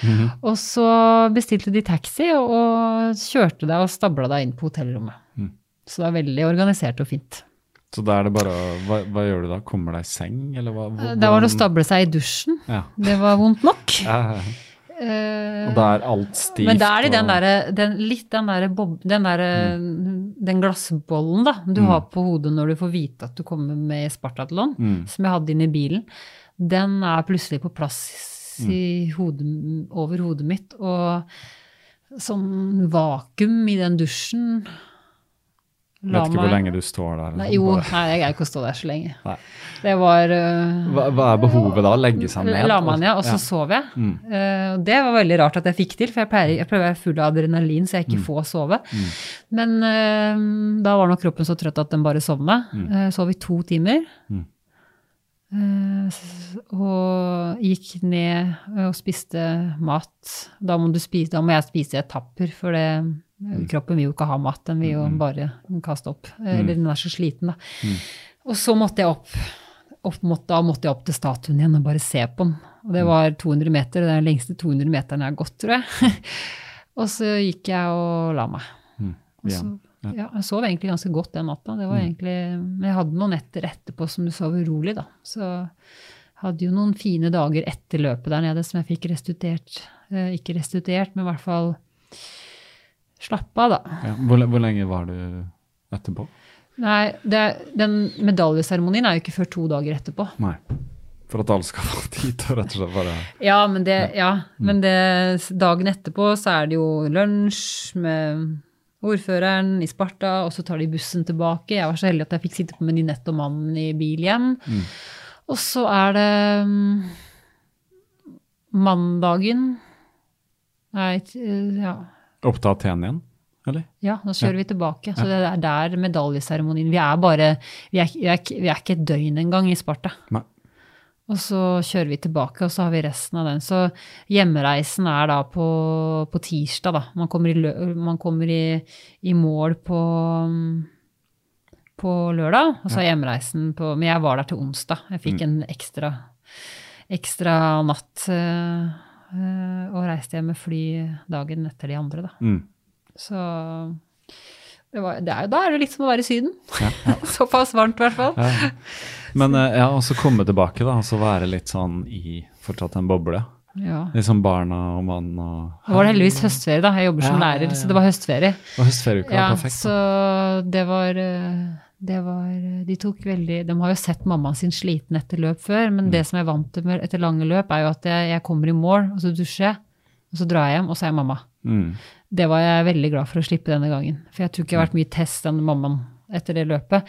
Men de tar jo, også de må være vant til det. Men, eh, men jeg setter jo alle kluter inn. og later, For jeg vil jo ikke at denne løpinga skal gå for mye utover barna. At, eh, ja. Men jeg er glad for det ikke var der nede de dagene etterpå. For da hadde jeg Det er godt å bare kunne eh, hvile og ligge med beina høyt og ja. Mm. Samle seg. ja. Så Ja, litt av en, litt av en beskrivelse. Litt av et løp. Eh, og du vil løpe igjen. Og jeg vil løpe igjen. ja. Det er kanskje flere som får lyst etter å ha hørt deg fortelle Ja. det, tror jeg. Jeg tenker på det nå, da. Det, sånn, det Jeg tok- får lyst det, for, det tok to uker. Uh, Inni i Ja. nettet jeg løp, så sier vi dette er så stort at dette er jo ikke noe man gjør flere ganger. Løper og snakka da. Jeg vet, å løpe Spartatlon, det er på en måte så stor opplevelse at det, det går ikke an. Det går ikke an to ganger. Og så var vi fortsatt enige om det dagen etterpå. Og så tok det to uker, så var det sånn pling i hodet mitt. Dette skal du gjøre igjen. Eh, sånn oppriktig. Eh, um, eh, ja. Jeg, jeg, jeg har jo jeg har, eh, jeg, Det er liksom mye vi, mye vil ha mer, er det det de sier? Ja, det er det. Ja. Men, Ja. eh, Har man opplevd noe stort, så vil man gjerne smake på det igjen. men da, det- da er man så redd for å bli skuffa igjen. Ja, ja. Tenk om man ikke kommer i mål, da, tenker jeg. Tenk om ja, det kan skje, det. ja, Neste gang så kan ting Nå virker det som Ja, man er redd for å ødelegge den, da. Ja, ja. Tenk om jeg neste gang får en dårlig opplevelse. Mm. Så er det det jeg husker, og så vil jeg ikke løpe det igjen. Så, ja. så det er mange ting. Men jeg skal jo nå løpe Bislett 24 timer i slutten av november, så får jeg se om jeg løper langt nok der. Ja, ja. Men nå er jo altså, å løpe, gjennomføre Spartatlon på under 36 timer er jo kvalifisering i seg selv til neste. Ja. Så man får være med på i hvert fall trekning eller utvelgelsen neste gang, da. ja. Så Så sjansen er god igjen. ja, Eller vet, vet du hvor mange som er med i den utvelgelsen? Trekningen? Eller det? Jeg tror det er godt over 1000. Ja, ikke sant. Ja. Så en tredjedel, kanskje. Som får, Ja, for det er alltid sånn, det er alltid sånn der, det er en oversikt først hvor mange som har meldt seg på. Mm. Mm. Så Ja. Men nå er det Bislett 24 timer. ja, i slutten av Eh, november. Så en, du sa man skal aldri si aldri, for det, du sa aldri en gang. Ja. Så være aldri noen Ja, men- år, og så Mannen min sa 'har du meldt skal du løpe det?' Han syntes nok det er litt kort inne på, på Spartatlon, sånn forhold til apropos restitusjon. Så kan jeg jo risikere å gå på en sånn at jeg i desember syns alle som løper langs veien er idioter. Mm. så Men hvorfor jeg vil løpe Bislett 24 timer nå, og det er egentlig litt rart, fordi jeg liker ikke å konkurrere, men jeg har lyst til å se hvor langt jeg kommer med det treningsgrunnlaget jeg har nå. mm. Utnytte det. Ja, utnytte det, for nå tenker jeg at eh, så kan det hende om kroppen bare ikke altså det fis- gir meg beskjed mens jeg løper at det er, du har ikke restituert nok, men da får jeg respektere det da, mens jeg løper, og så lytte til kroppen til det signalet de gir da. Men det der Og så syns jeg jo Bislett har blitt litt morsommere da, enn jeg syns første gangen. Hva er det som gjør det morsomt da? Det er- virker som det er veldig stort, da. Sånn jeg, Magnus Torud sa til meg jeg måtte komme og se på, så kanskje jeg kommer og se på. Bare se litt på Det er en helg, ikke sant? Ja. Ja. Nei, jeg veit ikke. Det, nå Nei, det er, folk spør meg hvorfor, hvordan klarer du å løpe så langt, du hva er som trigger deg og motiverer deg. Jeg klarer ikke å svare på sånne spørsmål, men eneste er at etter jeg har gjort lange løp, så har jeg en, er jeg totalt eh, i vater, som jeg sier. Jeg, er inni meg, følelsesmessig, så er jeg så rolig. Jeg er sånn jeg, er liksom, jeg føler at jeg er helt i balanse, da. Eh, og det er jeg nok når jeg løper òg. Selv om det kan gjøre vondt, og sånn, så føler jeg at det, det er på et punkt der som jeg bare blir Du føler deg liksom i ett med alt. Du er i ett med deg sjøl. Du bare flyter. Uh, Og den, det var nok den, når jeg tenker og snakker høyt nå, så tror jeg kanskje det er den jeg kanskje følte på Spartatlon. Mm. Det bare fløyt, selv om jeg kasta opp litt. Mm. Men, men altså, det bare Det er en veldig fin følelse. Og det, etter Spartatlon så har jeg vært veldig rolig. Men varer det, eller? Men, Er det på et eller annet punkt at du kjenner på en uro igjen, eller er det Nei, den er ikke kommet ennå. Nei, ikke ennå. Den, den øh, Jeg vet jeg har Nei. For den, den godfølelsen jeg har fått bare, nå har jeg fylt av energi. Nå gleder jeg meg. Men nå er det jo sikkert også fordi jeg skal løpe New York Marathon. Ja, Så har du noe Og det må jo føles veldig men, kort. Ja, men den er jo bare en liten søndagstur. Men, men, eh, men jeg må ha den balansen på at eh, som jeg snakka om i stad, at jeg ser disse som begynner å løpe, og så blir det en bitt av basillen. At eh, jeg kan jo ikke ha et langt løp eller et løp hele tida ser fram til. Jeg kan ikke løpe et maraton hver helg, for da tror jeg jeg kommer til å bli for sliten. Mm. Så jeg kan ikke Jeg må få være fornøyd med det jeg gjør. Jeg kan ikke bli avhengig av at jeg skal løpe lange løp for å ha det bra. Det, det er jeg ikke heller. Mm. Men, men jeg, jeg Det gir meg en boost, da. Mm. Langvarig. Heldigvis. Mm. Jo lenger løp, jo lenger boost, kan du si. Ja, Ja, jo lenger løp, jo lenger boost. Men så er det litt den der når du kommer tilbake fra Spartatlon og, og sånne lange Spesielt der, da, så må du jo Det er liksom som vi gifta oss. Det var sånn, Det bygger seg opp og bygger seg opp, og bygger seg opp, og så har du den der flotte dagen, og så bang, så er den ferdig, og så går, og så går bare resten av verden videre. Så det, sånn, det blir litt sånn gratulasjoner og, og ståhei én til to uker etterpå. Altså både bryllup og lange løp. Eh, men så bare tar hverdagen deg. Og så, og så sitter du der da med brudebuketten eller laurbærkransen, ikke sant, og så hvor ble det av? Og litt sånn var jeg redd for nå, men, men nå har jeg gjort det så mange ganger, ikke gifta meg heldigvis, men og løpt da, Sånn jeg veit at den følelsen kommer. Det kommer den der at det, nå er det løpet glemt. Nå er hverdagen her igjen. Så jeg, blir ikke, jeg får ikke den nedturen lenger som jeg kunne få før etter lange løp, da. Mm. Men jeg, for jeg veit den kommer òg. Ja. Ikke sant? Så du er forberedt på den. Ja. Men til de første langløpa så var det jo var det skikkelig runners blue etter ja, to-tre uker. Ja. Ja. Ja. Så den, men den har jeg Eh, ikke hatt nå. Nei. Nei, jeg har ikke løpt like langt som deg, men jeg kjente litt på det etter, um, i, etter mai, det Ecotrailet. Men det hadde vært fordi det har vært fullt trøkk eh, Ja. med podkast hver uke og Ja, trent ja, ja. første halvmaraton, og så Ecotrail. Mm. Så når juni kom og regnskapet var for seint innlevert og alt ble stress, så Ja. var det bare blues, liksom. Ja, ja. Så det, det kan være på mange nivå. Man kjenner det. Men sånn er jo litt livet òg, da. Altså, det er ikke at det må være blues hele tida, men det er jo litt sånn.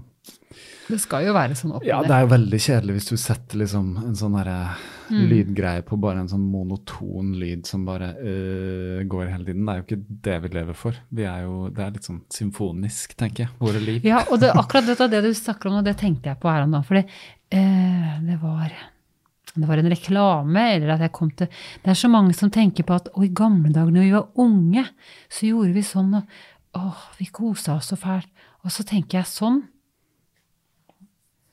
Sånn kan vi jo ikke ha det, tenkte jeg. Vi kan ikke tenke på at eh, å, før, så ko da var det så kult, og da gjorde vi må jo tenke sånn hele tida nå. Vi kan ikke gå rundt hver dag og ha det, skal hige etter å ha det superkult og være ungdom.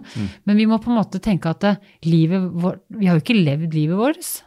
Tenkte jeg. Det liksom, jeg vil jo fylle livet mitt med sånne peaks nå også. Eh, om det skal være på egen hånd eller sammen med familien eller altså barn. Altså, men vi kan ikke tenke på at alle pikene våre var før. Og et, Nei. nei. sånn at det, Og det tror jeg kanskje noen gjør, da. Mm. Men så er det jo kanskje ikke alle er like avhengig av veldig Altså, hvor høy peak skal du ha for å være fornøyd, da. Det er også veldig individuelt. Det er det. Mm. Og det er ikke alltid vi har kontroll på heller, og det handler om å akseptere det òg. Så Ja. for mye av det vi kjenner på som er blues eller sånn, det Mm. er greit, det er liksom kjemisk, og vi har ikke kontroll på alt det der, men det er litt hvordan man liksom takler ting, da, og så holdningen til, liksom. Og har det Mm. gått noen runder rundt solen, så vet man jo at på en måte ja. det, det vil komme noen nedturer, men etterpå så er de borte og bare et minne, og så ja. Mm. handler om hvordan man tar det. ja. Ja. Og vi står jo bare Og det er så viktig å lære barna også. Det er det. Vi er, vi er så opptatt av at barna skal ha det bra hele tida. Ja, ja, ja, og han stakkar, gjør og, det, ba- å og, nei, nå, og nå har han kommet seg hjem fra lei seg fra skolen, og så tenk, Mm.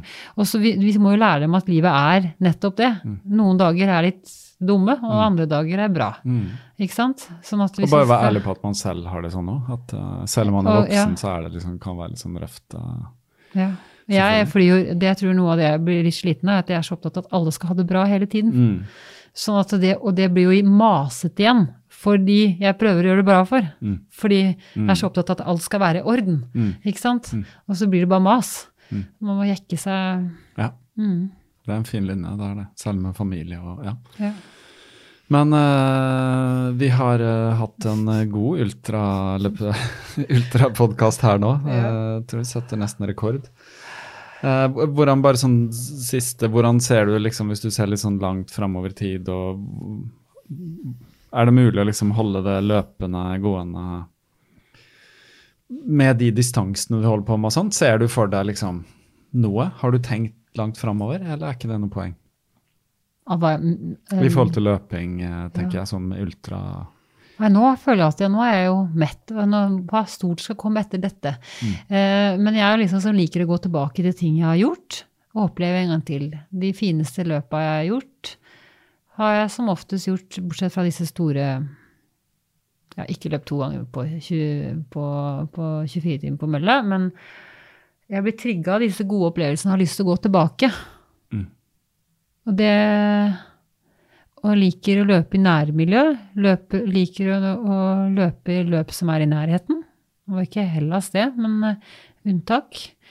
Uh, nei, jeg vil fortsette å løpe. Jeg tror ikke jeg trenger å løpe så mye lenger enn det jeg har gjort nå. Eh, Noen sånn, du burde ikke Det er noen store løp i utlandet og sånn. Det krever ganske mye logistikk. Jeg tror du må vente til barna er litt større. Mm. For det blir mas igjen. Det skal ikke, det skal ikke være sånn på bekostning av alt hele tida. Jeg syns jo dette løpet på, i Spartatlon krevde sitt for Rolf til å få til. Um, bare kose meg med løping. Fortsette å løpe, inspirere andre. Jeg motiveres jo veldig av å inspirere andre. Hvis, jeg jobber ikke direkte med idrett lenger nå, eh, men det er vel det jeg savner. Det er å kunne jobbe eh, Når jeg savner på en måte den biten, da, er å jobbe mm, hvor jeg kan mer direkte inspirere. Ikke bare gjennom sosiale medier og, ting jeg gjør sjøl. Får, får du mye henvendelser om råd og Ja, for noe. Ja. Ja, jeg gjør det. Men jeg har lagt den litt ned òg, fordi at hvis du begynner litt, så blir det mye. Mm. Eh, sånn at Så hva sier du hvis noen spør deg veldig sånn spesifikt? Eller er det noen som spør om du kan liksom være en veileder eller en trener Ja, det, og sånn? men, jeg, men jeg har vel Tidligere så var det det. Nå har jeg, sier jeg konsekvent eh, nei, da. Mm. Eh, fordi at det, det tar du, du kan ikke bare veilede noen halvveis, du må gjøre det fullt ut. Eh, men jeg deler villig ut råd og, og tips og Mm. eh, Men jeg tror nok ikke jeg er den Det er ikke alltid de som spør, kanskje er fornøyd med det svaret de, de får. Fordi at eh, mange som spør, vil jo ha en oppskrift som de skal følge. Jeg, no, at man skal bli fortalt hva man skal. Og så når jeg begynner å snakke om individuelt, hvor mye har du gjort før, ikke sammenligne seg med andre, så er det noen som tenker men det er jo det jeg gjør. Mm. Ikke sant? Sånn at, eh, De ser noen andre ser en resultat, så tenker jeg vil gjøre som de, eller vil ha liksom en Ja, derfor tenker jeg Jeg syns det er veldig fint Ja. å inspirere andre, men jeg er veldig opptatt av at eh, dette gjør jeg. Det er fint at jeg kan inspirere deg, Mm. men husk at du må gjøre det ut fra de forutsetningene du har. For det er jo det jeg sier, jeg stiller til start med de forutsetningene jeg har hatt. Mm. Og det gjør jo at jeg faktisk tør å stille til start på, på f.eks. Spartatlon. Mm. Hadde jeg sammenligna meg med andre som har løpt det, så hadde jeg ikke turt å, å stille til start. fordi jeg hadde jo ikke følt meg i nærheten så godt forberedt. Men jeg var jo godt nok forberedt, Mm. på min måte. Mm. Men Du turte å stole på det? det Ja, faktisk. Ja, det- ja. ja men det, det er et godt svar, det. jeg det, En av de viktigste uh, bolkene i forhold til Spartatlon som jeg hadde med trening òg, det var jo at i sommer så var jeg med på uh, Bømlo Ultrafestival. Den har jeg hørt om. Bømlo. Ah. Så da løp vi 60 km hver dag i fem dager. Så da fikk man samla 300 km i ca. 30 grader hver dag, så det var jo helt perfekt forhold til Spartaton.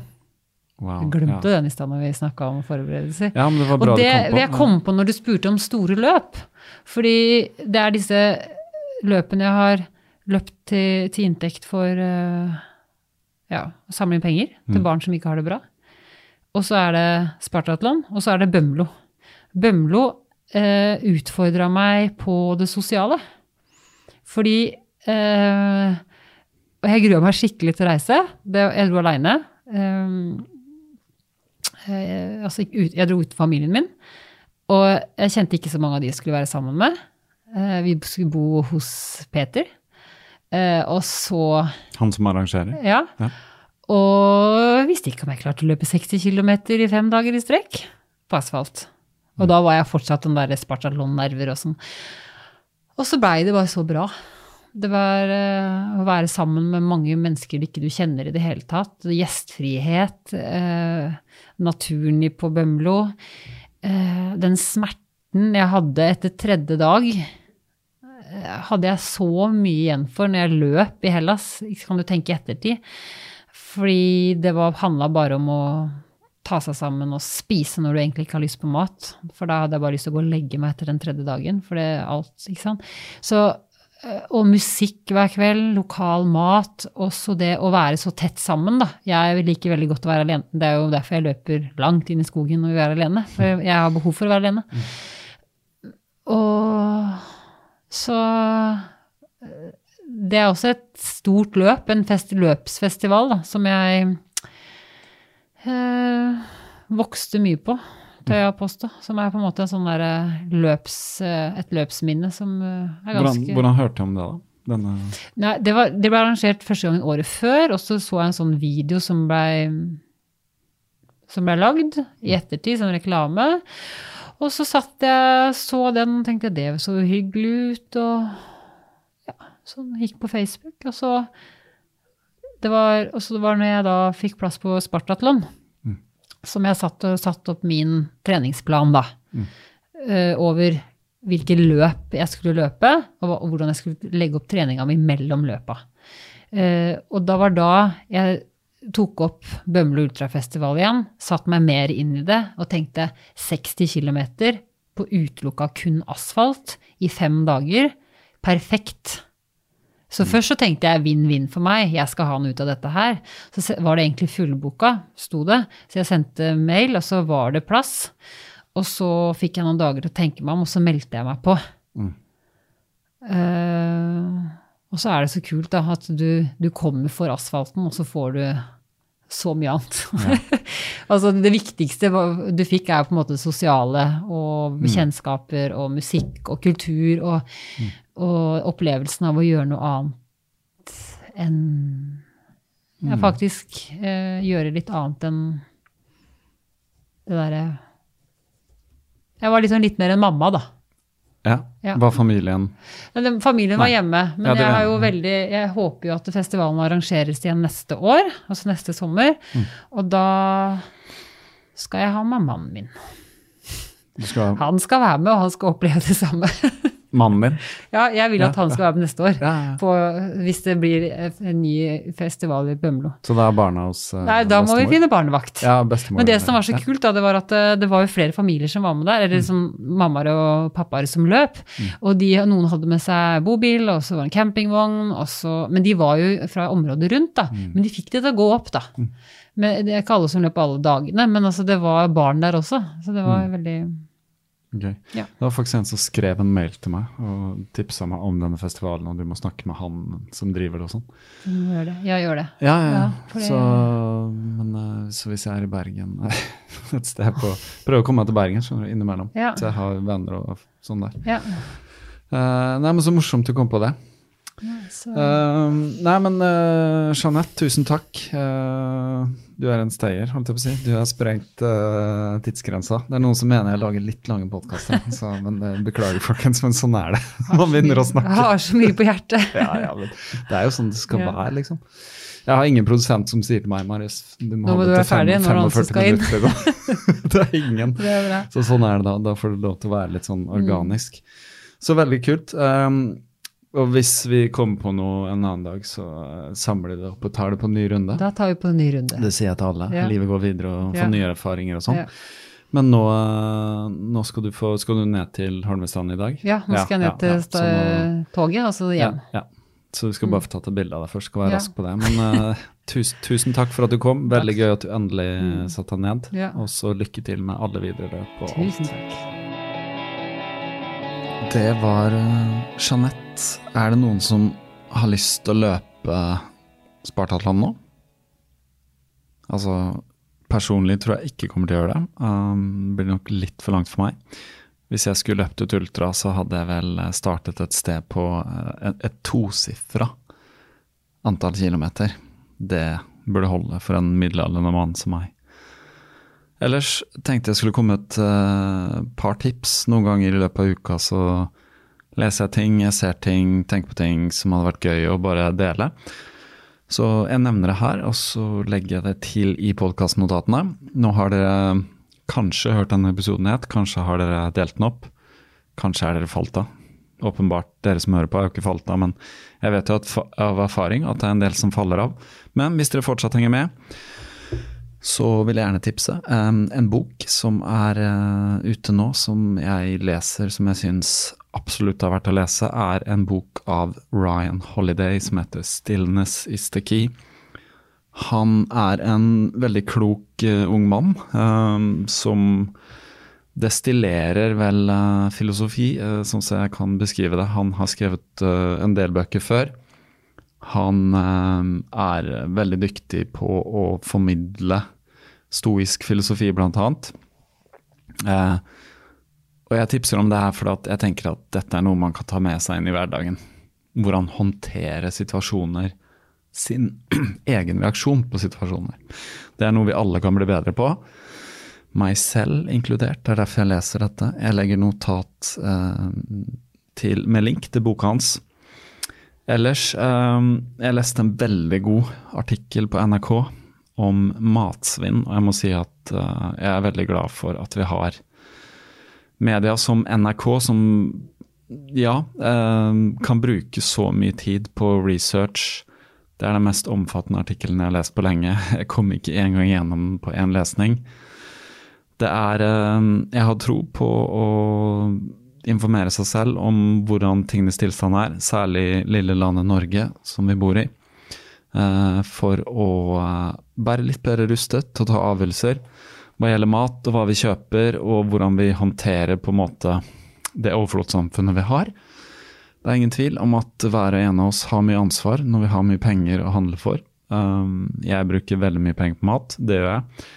Um, ikke det at jeg kjøper så store mengder, men jeg liker å kjøpe ting som jeg vet er bra mat, og det koster litt mer. Sånn har det blitt. Um, ellers Jeg la inn et eh, lodd i eh, New York City maratonlotteriet. Um, det var visst 50 plasser eh, tilgjengelig nå fordi at New York City Marathon er 50 år. Det gikk litt fort. Jeg sjekka ikke helt prisen. Eh, en kamerat sier på Snapchat nå at 370 og noe dollar, kan det stemme? Jeg syns jeg så 200 og noe dollar. Eh, det er jo veldig kostbart. Eh, vi får se. Jeg tviler på at jeg blir valgt ut, men etter å ha sett alle de som posta historier fra New York Marathon i går, så må jeg si at jeg ble veldig gira på løpet. Så vi får se hva det blir til. Eh, når det gjelder eh, maraton, jeg skal løpe i Malaga 15.12.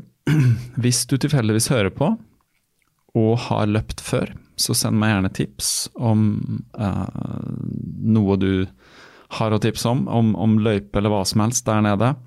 Jeg vet veldig lite. Hvis du skal løpe, send en melding om det òg. Jeg har fått et par meldinger. Eh, I den forbindelse så trener jeg så godt jeg kan til dette maratonet. Jeg vet av eh, erfaring at langturen er viktig, så nå har jeg fått inn en 30 km forrige helg. En på en enkelttur. Det gikk eh, veldig bra, egentlig. Fikk inn 30 km i helgen til sammen. Jeg deler det gjerne litt opp også. Jeg har eh, satt eh, ny personlig distanserekord på en måned. Eh, oktober ble det beste noensinne. 279 km tror jeg løp. Det er mye for meg, altså. Som sjelden har vært over 200. Eh, det går fint. Jeg trener mye fart. Formen er fin, men når man sitter her en mandag, så kjenner man at man har løpt. Absolutt, det gjør man. Så hvis du vil følge den ferden, så er jeg på Instagram. Jeg mener Strava. Jeg er på Strava. Jeg poster ikke noe løping for så på Instagram utenom noen historier, men jeg er på Strava. Kan legge link til det. Ellers bare finner du meg, Marius Hauge, så er det sånn request to follow. Podkasten er på Instagram. Følg meg gjerne der. Send en mail uh, hvis du har noen tanker, eller følg meg på Patron. Da, da kommer du litt tettere på. Nå er det bare å si ha en god dag videre. Aften, kveld, morgen, hva som helst. Ha det bra.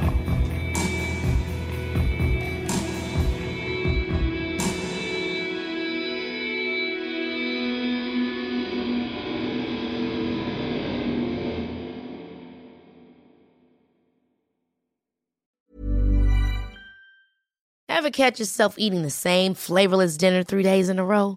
Dreaming of something better? Well, HelloFresh is your guilt-free dream come true, baby. It's me, Kiki Palmer. Let's wake up those taste buds with hot, juicy pecan-crusted chicken or garlic butter shrimp scampi. Mm. Hello Fresh. Stop dreaming of all the delicious possibilities and dig in at HelloFresh.com. Let's get this dinner party started. Imagine the softest sheets you've ever felt. Now imagine them getting even softer over time. That's what you'll feel with Bowl and Branch's organic cotton sheets. In a recent customer survey, 96% replied that Bowl and Branch sheets get softer with every wash. Start getting your best night's sleep in these sheets that get softer and softer for years to come. Try their sheets with a 30-night guarantee. Plus, get 15% off your first order at bowlandbranch.com. Code BUTTERY. Exclusions apply. See site for details. Even when we're on a budget, we still deserve nice things. Quince is a place to scoop up stunning high-end goods for 50 to 80% less than similar brands. They have buttery soft cashmere sweaters starting at $50, luxurious Italian leather bags, and so much more. Plus, Quince only works with factories that use safe, ethical, and responsible manufacturing. Get the high-end goods you'll love without the high price tag with Quince. Go to quince.com/style for free shipping and 365-day returns.